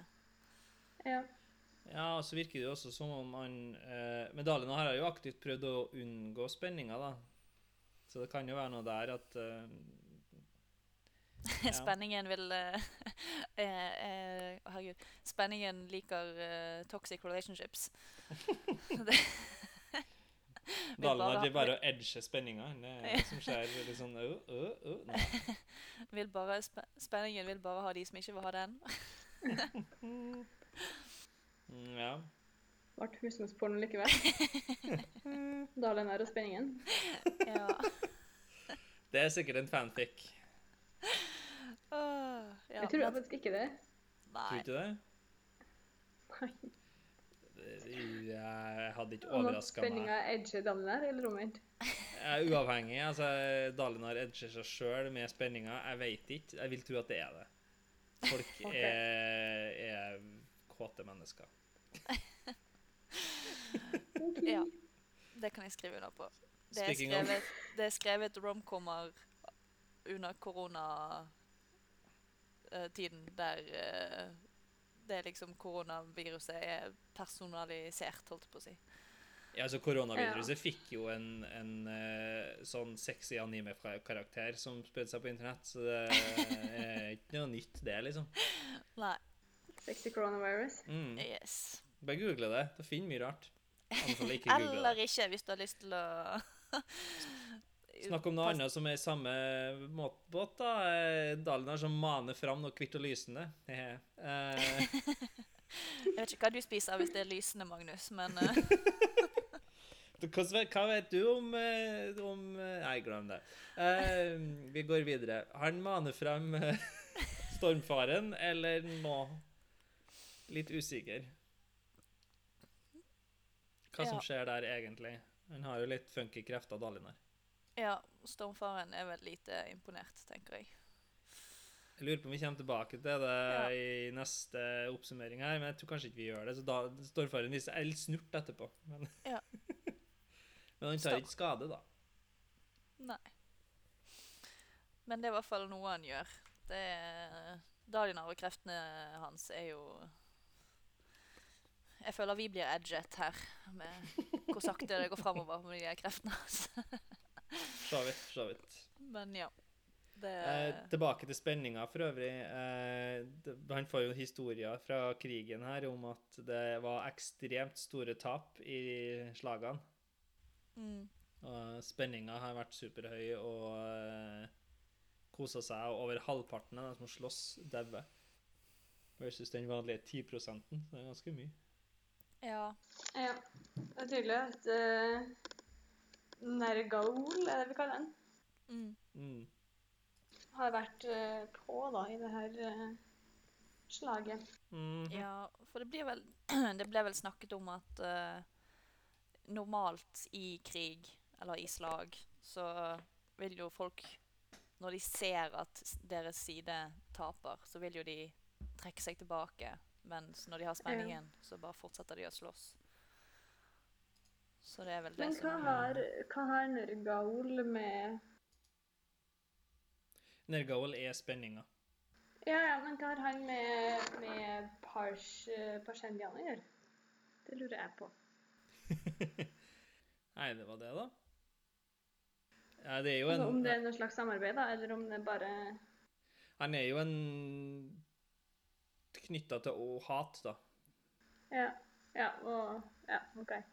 Ja, så det er mer Eh, hat connection enn Parshendi connection, føler jeg. Ja, Vi kommer vel litt tilbake til det faktisk i, i epigrafene, som refererer til den der boka som Shalan leser i forrige del, med Hessis Mystica. Mytica. Ja. Uh, og de snakker om at eh, at den gir eh, voldspotensial. og Det er jo en sånn moralboost da, hvis du skal ha folk til å slåss eh, best mulig så, og ikke bryr deg om tapene dine, som hvis du heter hat, eh, du antageligvis ikke gjør. Eh, så så er jo det en positiv ting å ha med seg. Ja. Ja, da, hvis du bare er opptatt av ødeleggelse, Mm, egentlig. akkurat ja. det. Og så er det det siste vi, vi lærer her, da. Om eh, Dalinar og menene. ja. Og når du fjerner minner, endrer du faktisk personlighet? Gjør du, jobber du faktisk med deg sjøl, eller bare tar du vekk ting fra personligheten din, eller Ja, du gjør jo ikke noe arbeid for å få den endringen som vi ser i Dalinar. Nei, han er nok, har nok endra seg mest fordi han mista minnene sine, ja, kanskje? Så det er liksom dette her med Du må gjøre du, det, liksom, Er det karakterutvikling, eller er det bare juks? Det er jo ikke så mye Han har ikke jobbet gjennom noen av det, noe av det. Nei, det virker jo Du er helt tydelig det nå, da. Han blir jo fullstendig sønderknust og kapitulerer totalt, nå som han får de minnene sine tilbake. Så, Tilbake og begynner å drikke igjen. Ja. Skal vi se hvordan det går videre med Dalinar da, etter at han har styrta i flaske vin? Ja. For da så eh, våkner Dalinar opp på steingulvet med lys strømmende inn fra en balkong, og han innser han er i synet der han møtte Noadon. Han finner ikke en ung Noadon denne gangen, men en gammel en som sitter og skriver en handleliste. Ute i markedet så ser Dalinar tidvis store tordenbeist i sidesynet, mens Noadon pruter med en selger om prisen på mel, og forteller Dalinar om prinsippers natur.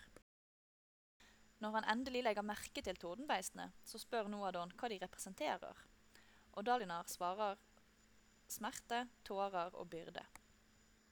Når Dalinar så sier at han er en hykler, sier Noadon at en hykler bare er en mann på vei til å forandre seg. Han fortsetter med at Dalinar har sagt edene, men har ikke forstått reisen de vil kreve, og at Dalinar har glemt den viktigste delen av reisen, og hva de viktigste stegene et menneske kan ta er. Dalinar våkner igjen i Uritiru ved siden av en nesten tom flaske med vin. Det hadde ikke vært noen storm, men et minne tvinger seg fram. Gavilar sin begravelse. Navani prøver å blidgjøre de nærmeste Alethi-høyprinsene da de savner Dalinars faktiske ledelse. Uritiru sliter med infrastrukturproblem og mangel på arbeidskraft, og Navani føler på irritasjon over at Dalinar drikker seg drita og lar hun slite med problemene. Men det er en ny dag, og Dalinar føler seg klar til å lede igjen. På vei til dagens møte treffer han på Taravangian på en dum dag. Til tross for at han er ekskludert, tar Dalinar med han inn i møtet. Når de ankommer, så lar ikke Fenn hele forsvinnelsen gå forbi, og Dalinar beklager han trakk seg tilbake, og det ser ut til å tilfredsstille monarkene for nå. Diskusjonen om forsvaret av Jakved fortsetter, men Dalinar innser at et angrep der er lite sannsynlig. Det gir mye mer mening å angripe Thailand by. Nye forsvarsplaner blir lagt, og de skal utnytte marinen til både Karbarant og Azir. Taravangian returnerer til rommene sine, og Adrotagia rapporterer at Graves og hans shards er sporløst forsvunnet. Malata rapporterer at Dalinar har hatt noen syn som han ikke ville dele med alle, og blir fornærma når Taravangian stiller spørsmål til om hun og Gnist er villige til å forråde de andre ridderordenene. Dalinar har spurt Stormfaren om hvem som er lederne blant Hats hær, og han har kun sett at Hat fokuserer veldig på vennlig. Ved neste høystorm drar Dalinar henne inn i et syn, mens han ber Stormfaren prøve å holde Hat ute. Vennlig er naturligvis forvirra, og umiddelbart skeptisk når Dalinar introduserer seg sjøl. Når hun krever at Persjendian får Aletkar for at det skal bli fred, prøver han å forhandle, men synene begynner å felle fra hverandre når hat banker på. Dalinar klarer å holde synet sammen til å begynne med, og før hat får sett vennlig, så sender han henne ut. Med vennlig ute gir Dalinar etter og føler han blir revet fra hverandre. Hat kommer frem som en gammel mann og undres over hva Dalinar har forsøkt å skjule for han, og forteller at det ikke vil bli fred før han er fullstendig ødelagt Roshar. På besøk i Thailen by møtes Dalinar av en misfornøyd Amaram som klager over at troppene hans gjør arbeid og ikke er involvert i krigen.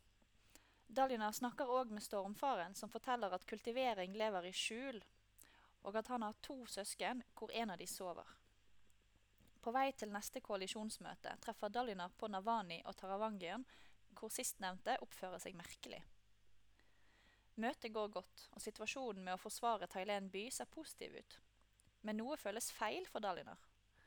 Stormfaren sier at en storm er på vei, og alle fjernpenner i rommet lyser opp samtidig.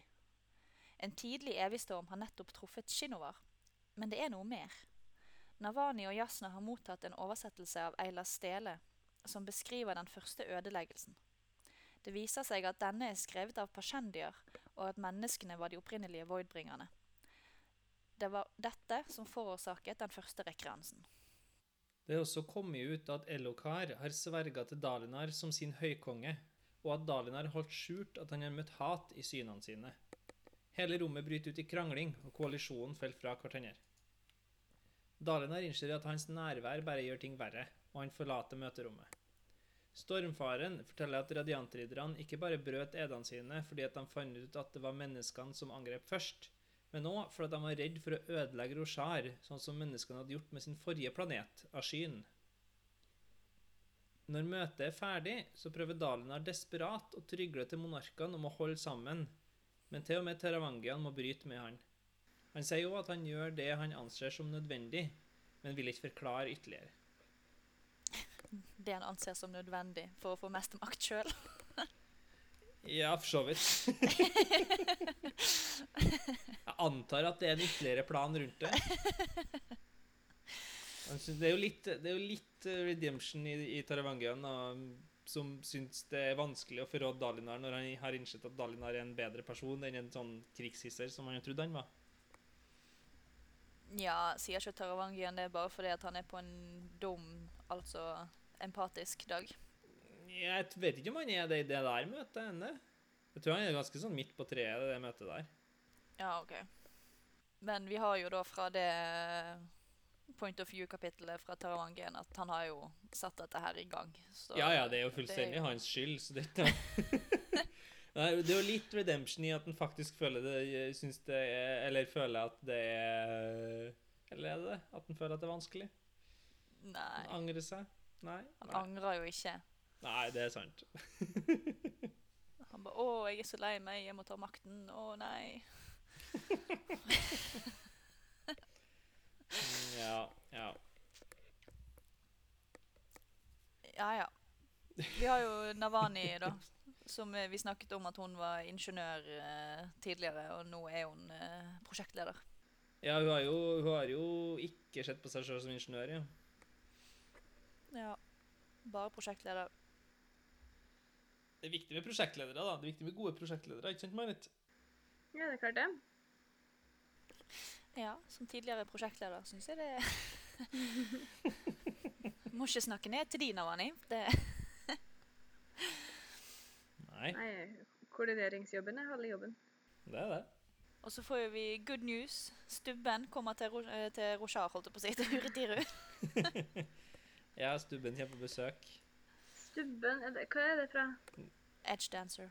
Det er hun, ja, barnehjemsdama som Lift møter. Ja. Så det blir jo, det er jo, det blir jo flere og flere radiante i, i Urisiru etter hvert. da. Det er jo en bra ting. Mm. Unite dem, og så videre. Ja. Og så Dalinar som ikke forstår presteskapet i det hele tatt. Nei. Men han sier unnskyld til Kadash, da. Han prøver i hvert fall. Too late. ja, jeg tror det. Jeg tror too little too late er å treffe spikeren på hodet der. Ja. Jeg tror jo det er litt sånn uh, Dalinar glemmer jo at han har et folk under seg. Det er jo litt kanskje det som er problemet. Han prøver jo å slippe eh, prestene fri, så de skal slippe å tjene en hykler. Nei, en kjetter. Um, men Og hykler. Uh, men det bommer jo veldig på poenget, så ja. Ja. Ja. ja, ja, kanskje han kan bli gode venner med Jasna nå. Det er han jo fra før av. Jo da, men uh, enn mer. Tettere. Skape tettere ja. bånd til sin niese. Mm. Men eh, han har jo Kan vi fortsette på Dalinar? her? Han har jo en drøm eller et syn med Nohadon her. Ja. Der Nohadon er overraskende woke eh, og sier 'ditt liv som kvinnen er, kvinnens er urettferdig'. ja. En, men En ting er å se det, men uh, må gjøre noe med det Nohadon. Må gjøre noe med Ja. det. Baby steps, Linn, baby steps. Eh, men det, vi har jo sett at de tidligere radiante har eh, menn og kvinner i alle ordnene osv., så, videre, så det er jo, har jo vært ganske ålreit med likestilling der. Ja, Så nå får vi se om eh, dette her endrer seg, da. De er jo ganske kjønnsdelt. nå, Ja. Så de har lang vei å komme seg tilbake. du forstår bra at de er så gode i altså, Radiante før var jo eh, likestilt, men prestene er jo også ganske likestilt. Altså eh, kvinner og menn i presteskapet. Ja, det er jo det. Det er for det er bare fordi du- de an anser begge som intet kjønn. Ja. Ja. De skal ikke få kids og sånn, så da er ikke det så nøye. Nei. Kjønn er bare reproduksjon. Ja, og makt og troner og riker og alt dette her. Ja. Men, men. Snakk om riker, da. Vi har jo fått en ny versjon av de tre rikene i det fysiske, kognitive og spirituelle. Ja. ja, ny forklaring, tenker jeg. Ja, ja. Det, ja. Slags forklaring eller en ny versjon. da, der At det fysiske er der du er nå, og det kognitive er hvordan du ser deg sjøl. Og det spirituelle vil være det perfekte deg, uten smerter, feil og usikkerhet. Ja. Eh, Vi er, vi er jo på jeg husker, Er det Platon, det her? Jeg tror det er det. ja, det er noe sånne idealer inni dette her. Ja. Men eh, ja, jeg har ikke lest nok Platon til å Det er lenge siden vi hadde X-Filt her. Ja. Litt for lenge. ja. Ja, Men så er jo spørsmålet er det her et syn eller en storm? Nei, en drøm. For at det er jo ikke noe storm, sier stormfaren. Og stormfaren har heller ikke fått med seg det her synet. Nei. Og det er noe Det er jo- funky som foregår med Dalinar og syn. Ja, det er alt er funky med Dalenar for tiden. Men det er jo litt sånn med alle, at eh, kreftene utvikler seg, føler jeg. Mm. Ja. Det gjør jo det. Ja, han, har jo, han tilbringer jo med Han har jo ja, hatt mer tid med stormfaren og alt dette her. Men ja, det, alt er bare funk med Dalinar. Men Ja. det skal jo være sånn. Dette er Dalinar sin bok, så det er jo Uavhengig av hvor likestilt man er eller ikke, så vil alltid menn ha pornokortstokker, da. Ikke sånn det er? Jo. Subarial han måtte jo være seg sjøl lik på ett punkt. Ja. Det er viktig. ja.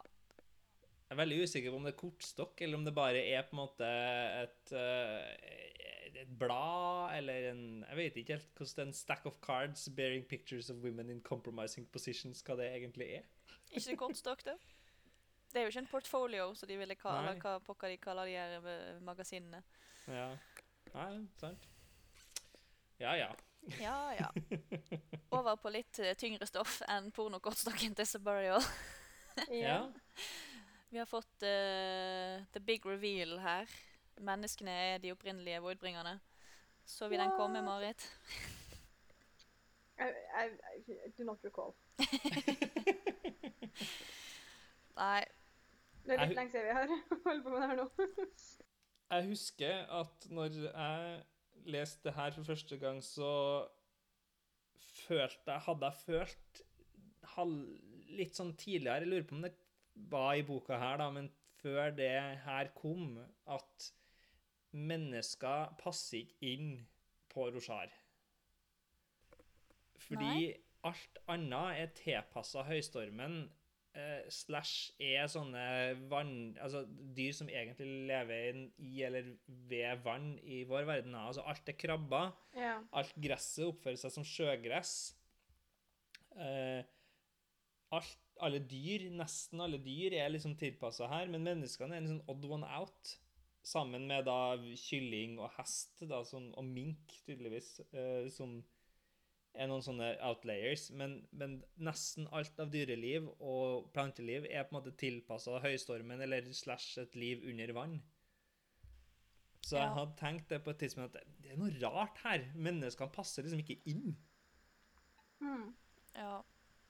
Eller kanskje tanken min var egentlig hvordan faen har menneskene utvikla seg på denne planeten her? Fordi det gir ikke mening eh, med, med på en måte måten de er på, da. Jeg har fått veldig litt informasjon. da. så ikke noe hvor øh, Vi fikk ikke høre noe om hvor menneskene kom ifra, gjorde vi det? Jo. Hvilken planet? Jo. Ashen. Ja, det gjorde vi, ja. Så de har jo kommet over da i eh, Fra Ja, Ashen på et eller annet vis. Ja, ødela sin egen planet, ja, og så Så har de jo Mm. kommet til Shinovar, da. Ja. Eh, og så har de jo spredd seg ut derifra. I neste del så får vi eh, epigrafene, det her utdraget fra Eila Stele. Så vi kan gå gjennom det da. Ja. Um, Ja. Når jeg leste det første gang, så kom det som et sjokk. Men når jeg, eh, når jeg leste disse her for første gang, så eh.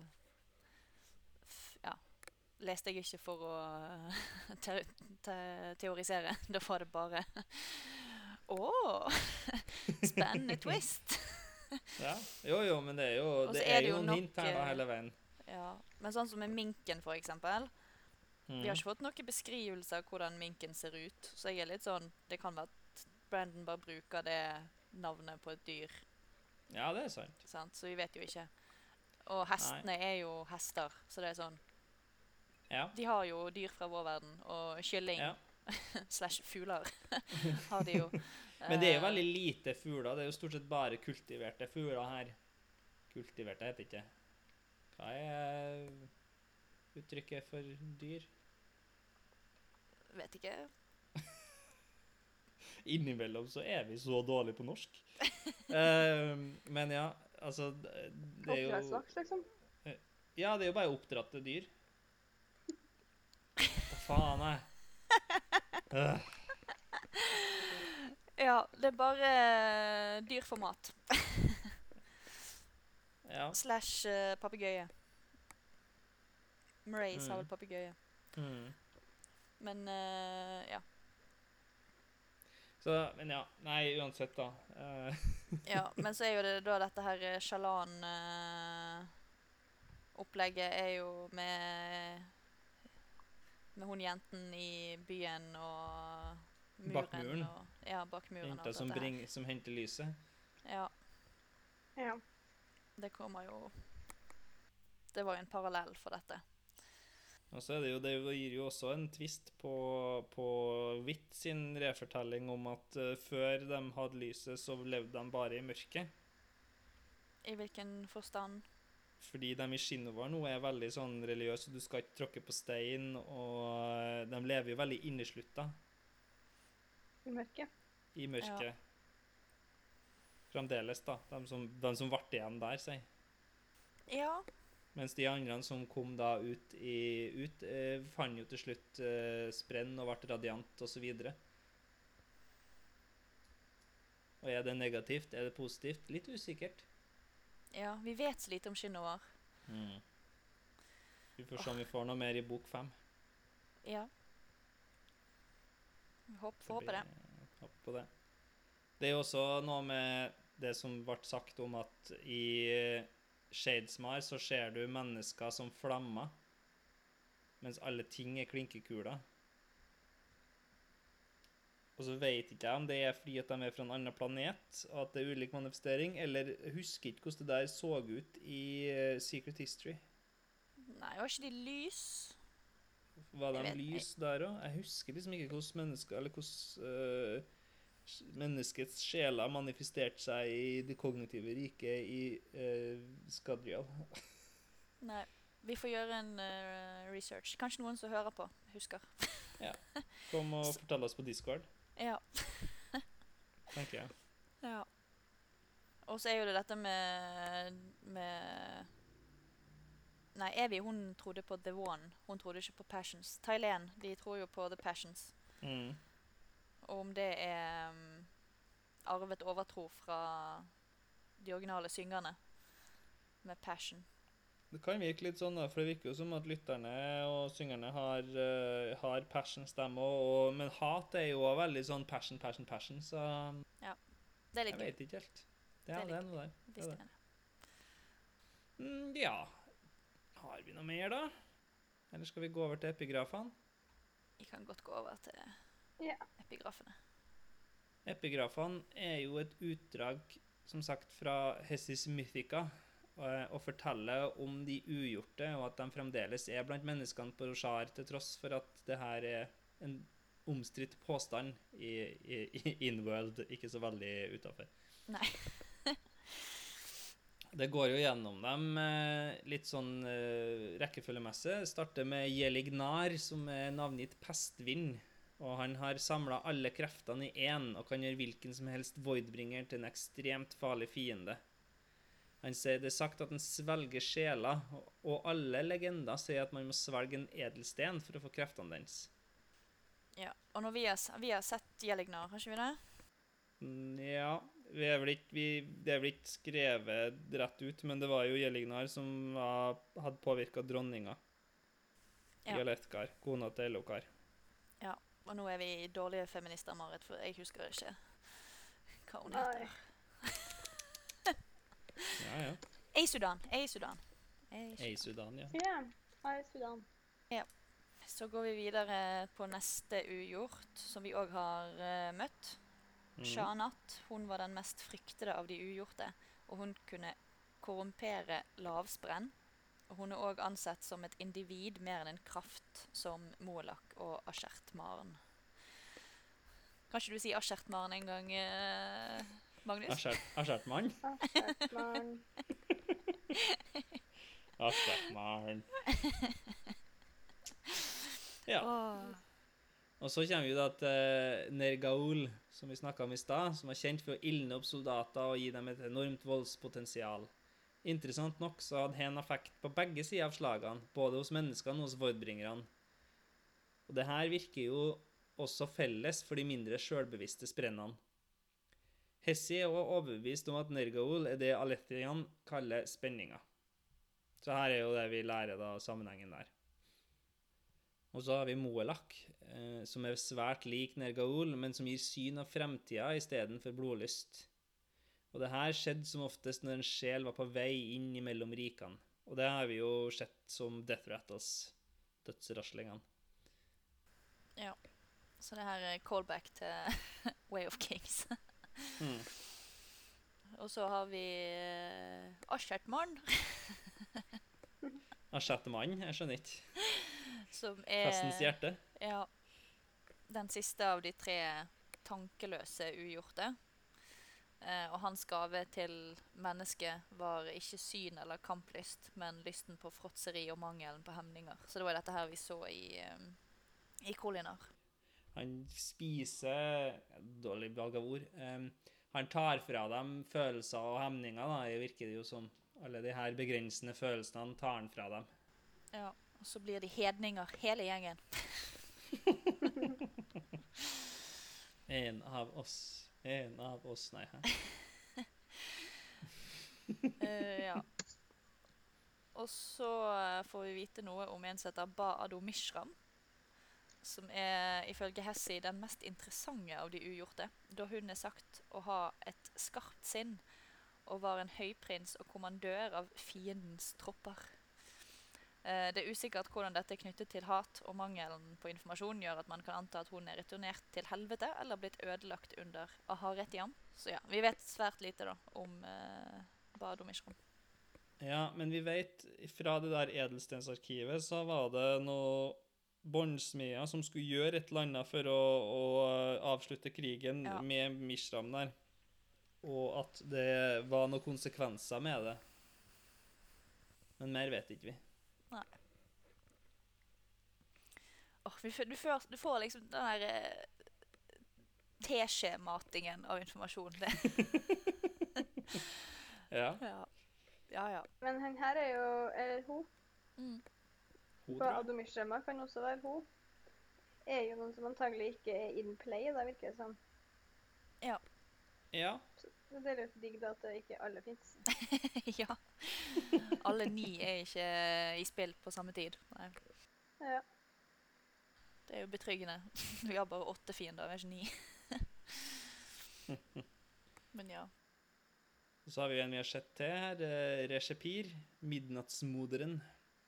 Hun var antatt ødelagt under Aharetiam. Og hun laga monstre av olje og skygge, og mørke imitasjoner av vesen hun så eller svelga. Og det har vi jo sett hvordan fungerer. Ja. Hun er ikke ødelagt. Nei, hun er ikke ødelagt. Hun ble Hun satt skremt. og gjemt seg i Uritiru. Ja. Men hun er skremt vekk nå, da. Ja, det gjør ikke noe bedre at vi ikke vet hvor hun er. Eh, Så lenge hun ikke er der som jeg er, så går det helt fint. Mm. Og så er det. Shemoraj. eller Kemoarish. Jeg har ikke, jeg, det er så lenge siden jeg har hørt dette her på lydbok, så jeg husker ikke hvordan det ble uttalt. Men ja. Eh, støvmoderen er den ugjorte. Hver gang jeg, leser morderen hver gang. Jeg leser midnattsmorderen og støvmorderen. Så, hm, er det en støvsuger? Ja, jeg vil ha en støvmorder i mitt hus. Støvmoderen er den ugjorte med, med mest varierte teorier, og dette gjør det veldig vanskelig å finne sannheten om henne. Hun er likevel sannsynligvis ikke nattevåkeren. OK, takk. Dette hjalp jo. This person is not this person. OK. Thanks for letting me know. ja. Og som sagt, altså, dette teller åtte, og alle, all teori peker på ni ugjorte, da dette er et uhellig tall uten symmetri, som er ofte assosiert med fienden. Hva den niende er, er ukjent, men kan det være Daigonartis, og kan deres handlinger ha forårsaket den fullstendige ødeleggelsen av Aimia? I don't know. I don't know. Hva var inni igjen? Eh, Det det, der øygruppa helt vest. Å ja, det er den der, ja. ja, der som uh, Kajsa Kasa ble sendt. Hun uh, Dead, dead, dead. Ja, hun uh, sjelesmien som vi så, som var, ble tåke. Hun som Mm. gikk i oppløsning. Så eh, Men vi skal, vi skal lære mer om Aimia Marit. Det går bra. Ja, for der er det noen secrets behind secrets. There's always another secret. Mm. Ja, men uh, ja, Daigonartis har vært nevnt i en dødsrasling, tydeligvis. Eh, Men uh, vi vet veldig lite om denne personen. Ja. ja Jeg denne har bare fått tilnavnet Den sorte fiskeren der. Hva enn det betyr. Det høres så lite skummelt ut med den sorte fiskeren. Blackfisher. Oh, ja. Altså er det sånn at eh, han her tiggeren Ahu, som snakker og deler en drink med Dalinar, eh, nevner også den sorte fiskeren sammen med Reshepir og Moelach. Så derfor så er det litt sånn Det gir mening at det er det, men vi vet jo ikke noe mer, da. Nei. Vi får, eh, vi får se oss om etter sorte fiskere. Ja. så Alle makabaki-fiskermenn er skummel. Nei. Ja. Nå må ikke vi bli rasister her. Nei. Det var det. Men da kom vi oss i mål her òg. Ja. Gjennom del fire, on to del fem. Gjennom noen inter interludes først, da. Ja, det er sant. ha det bra. Ha det.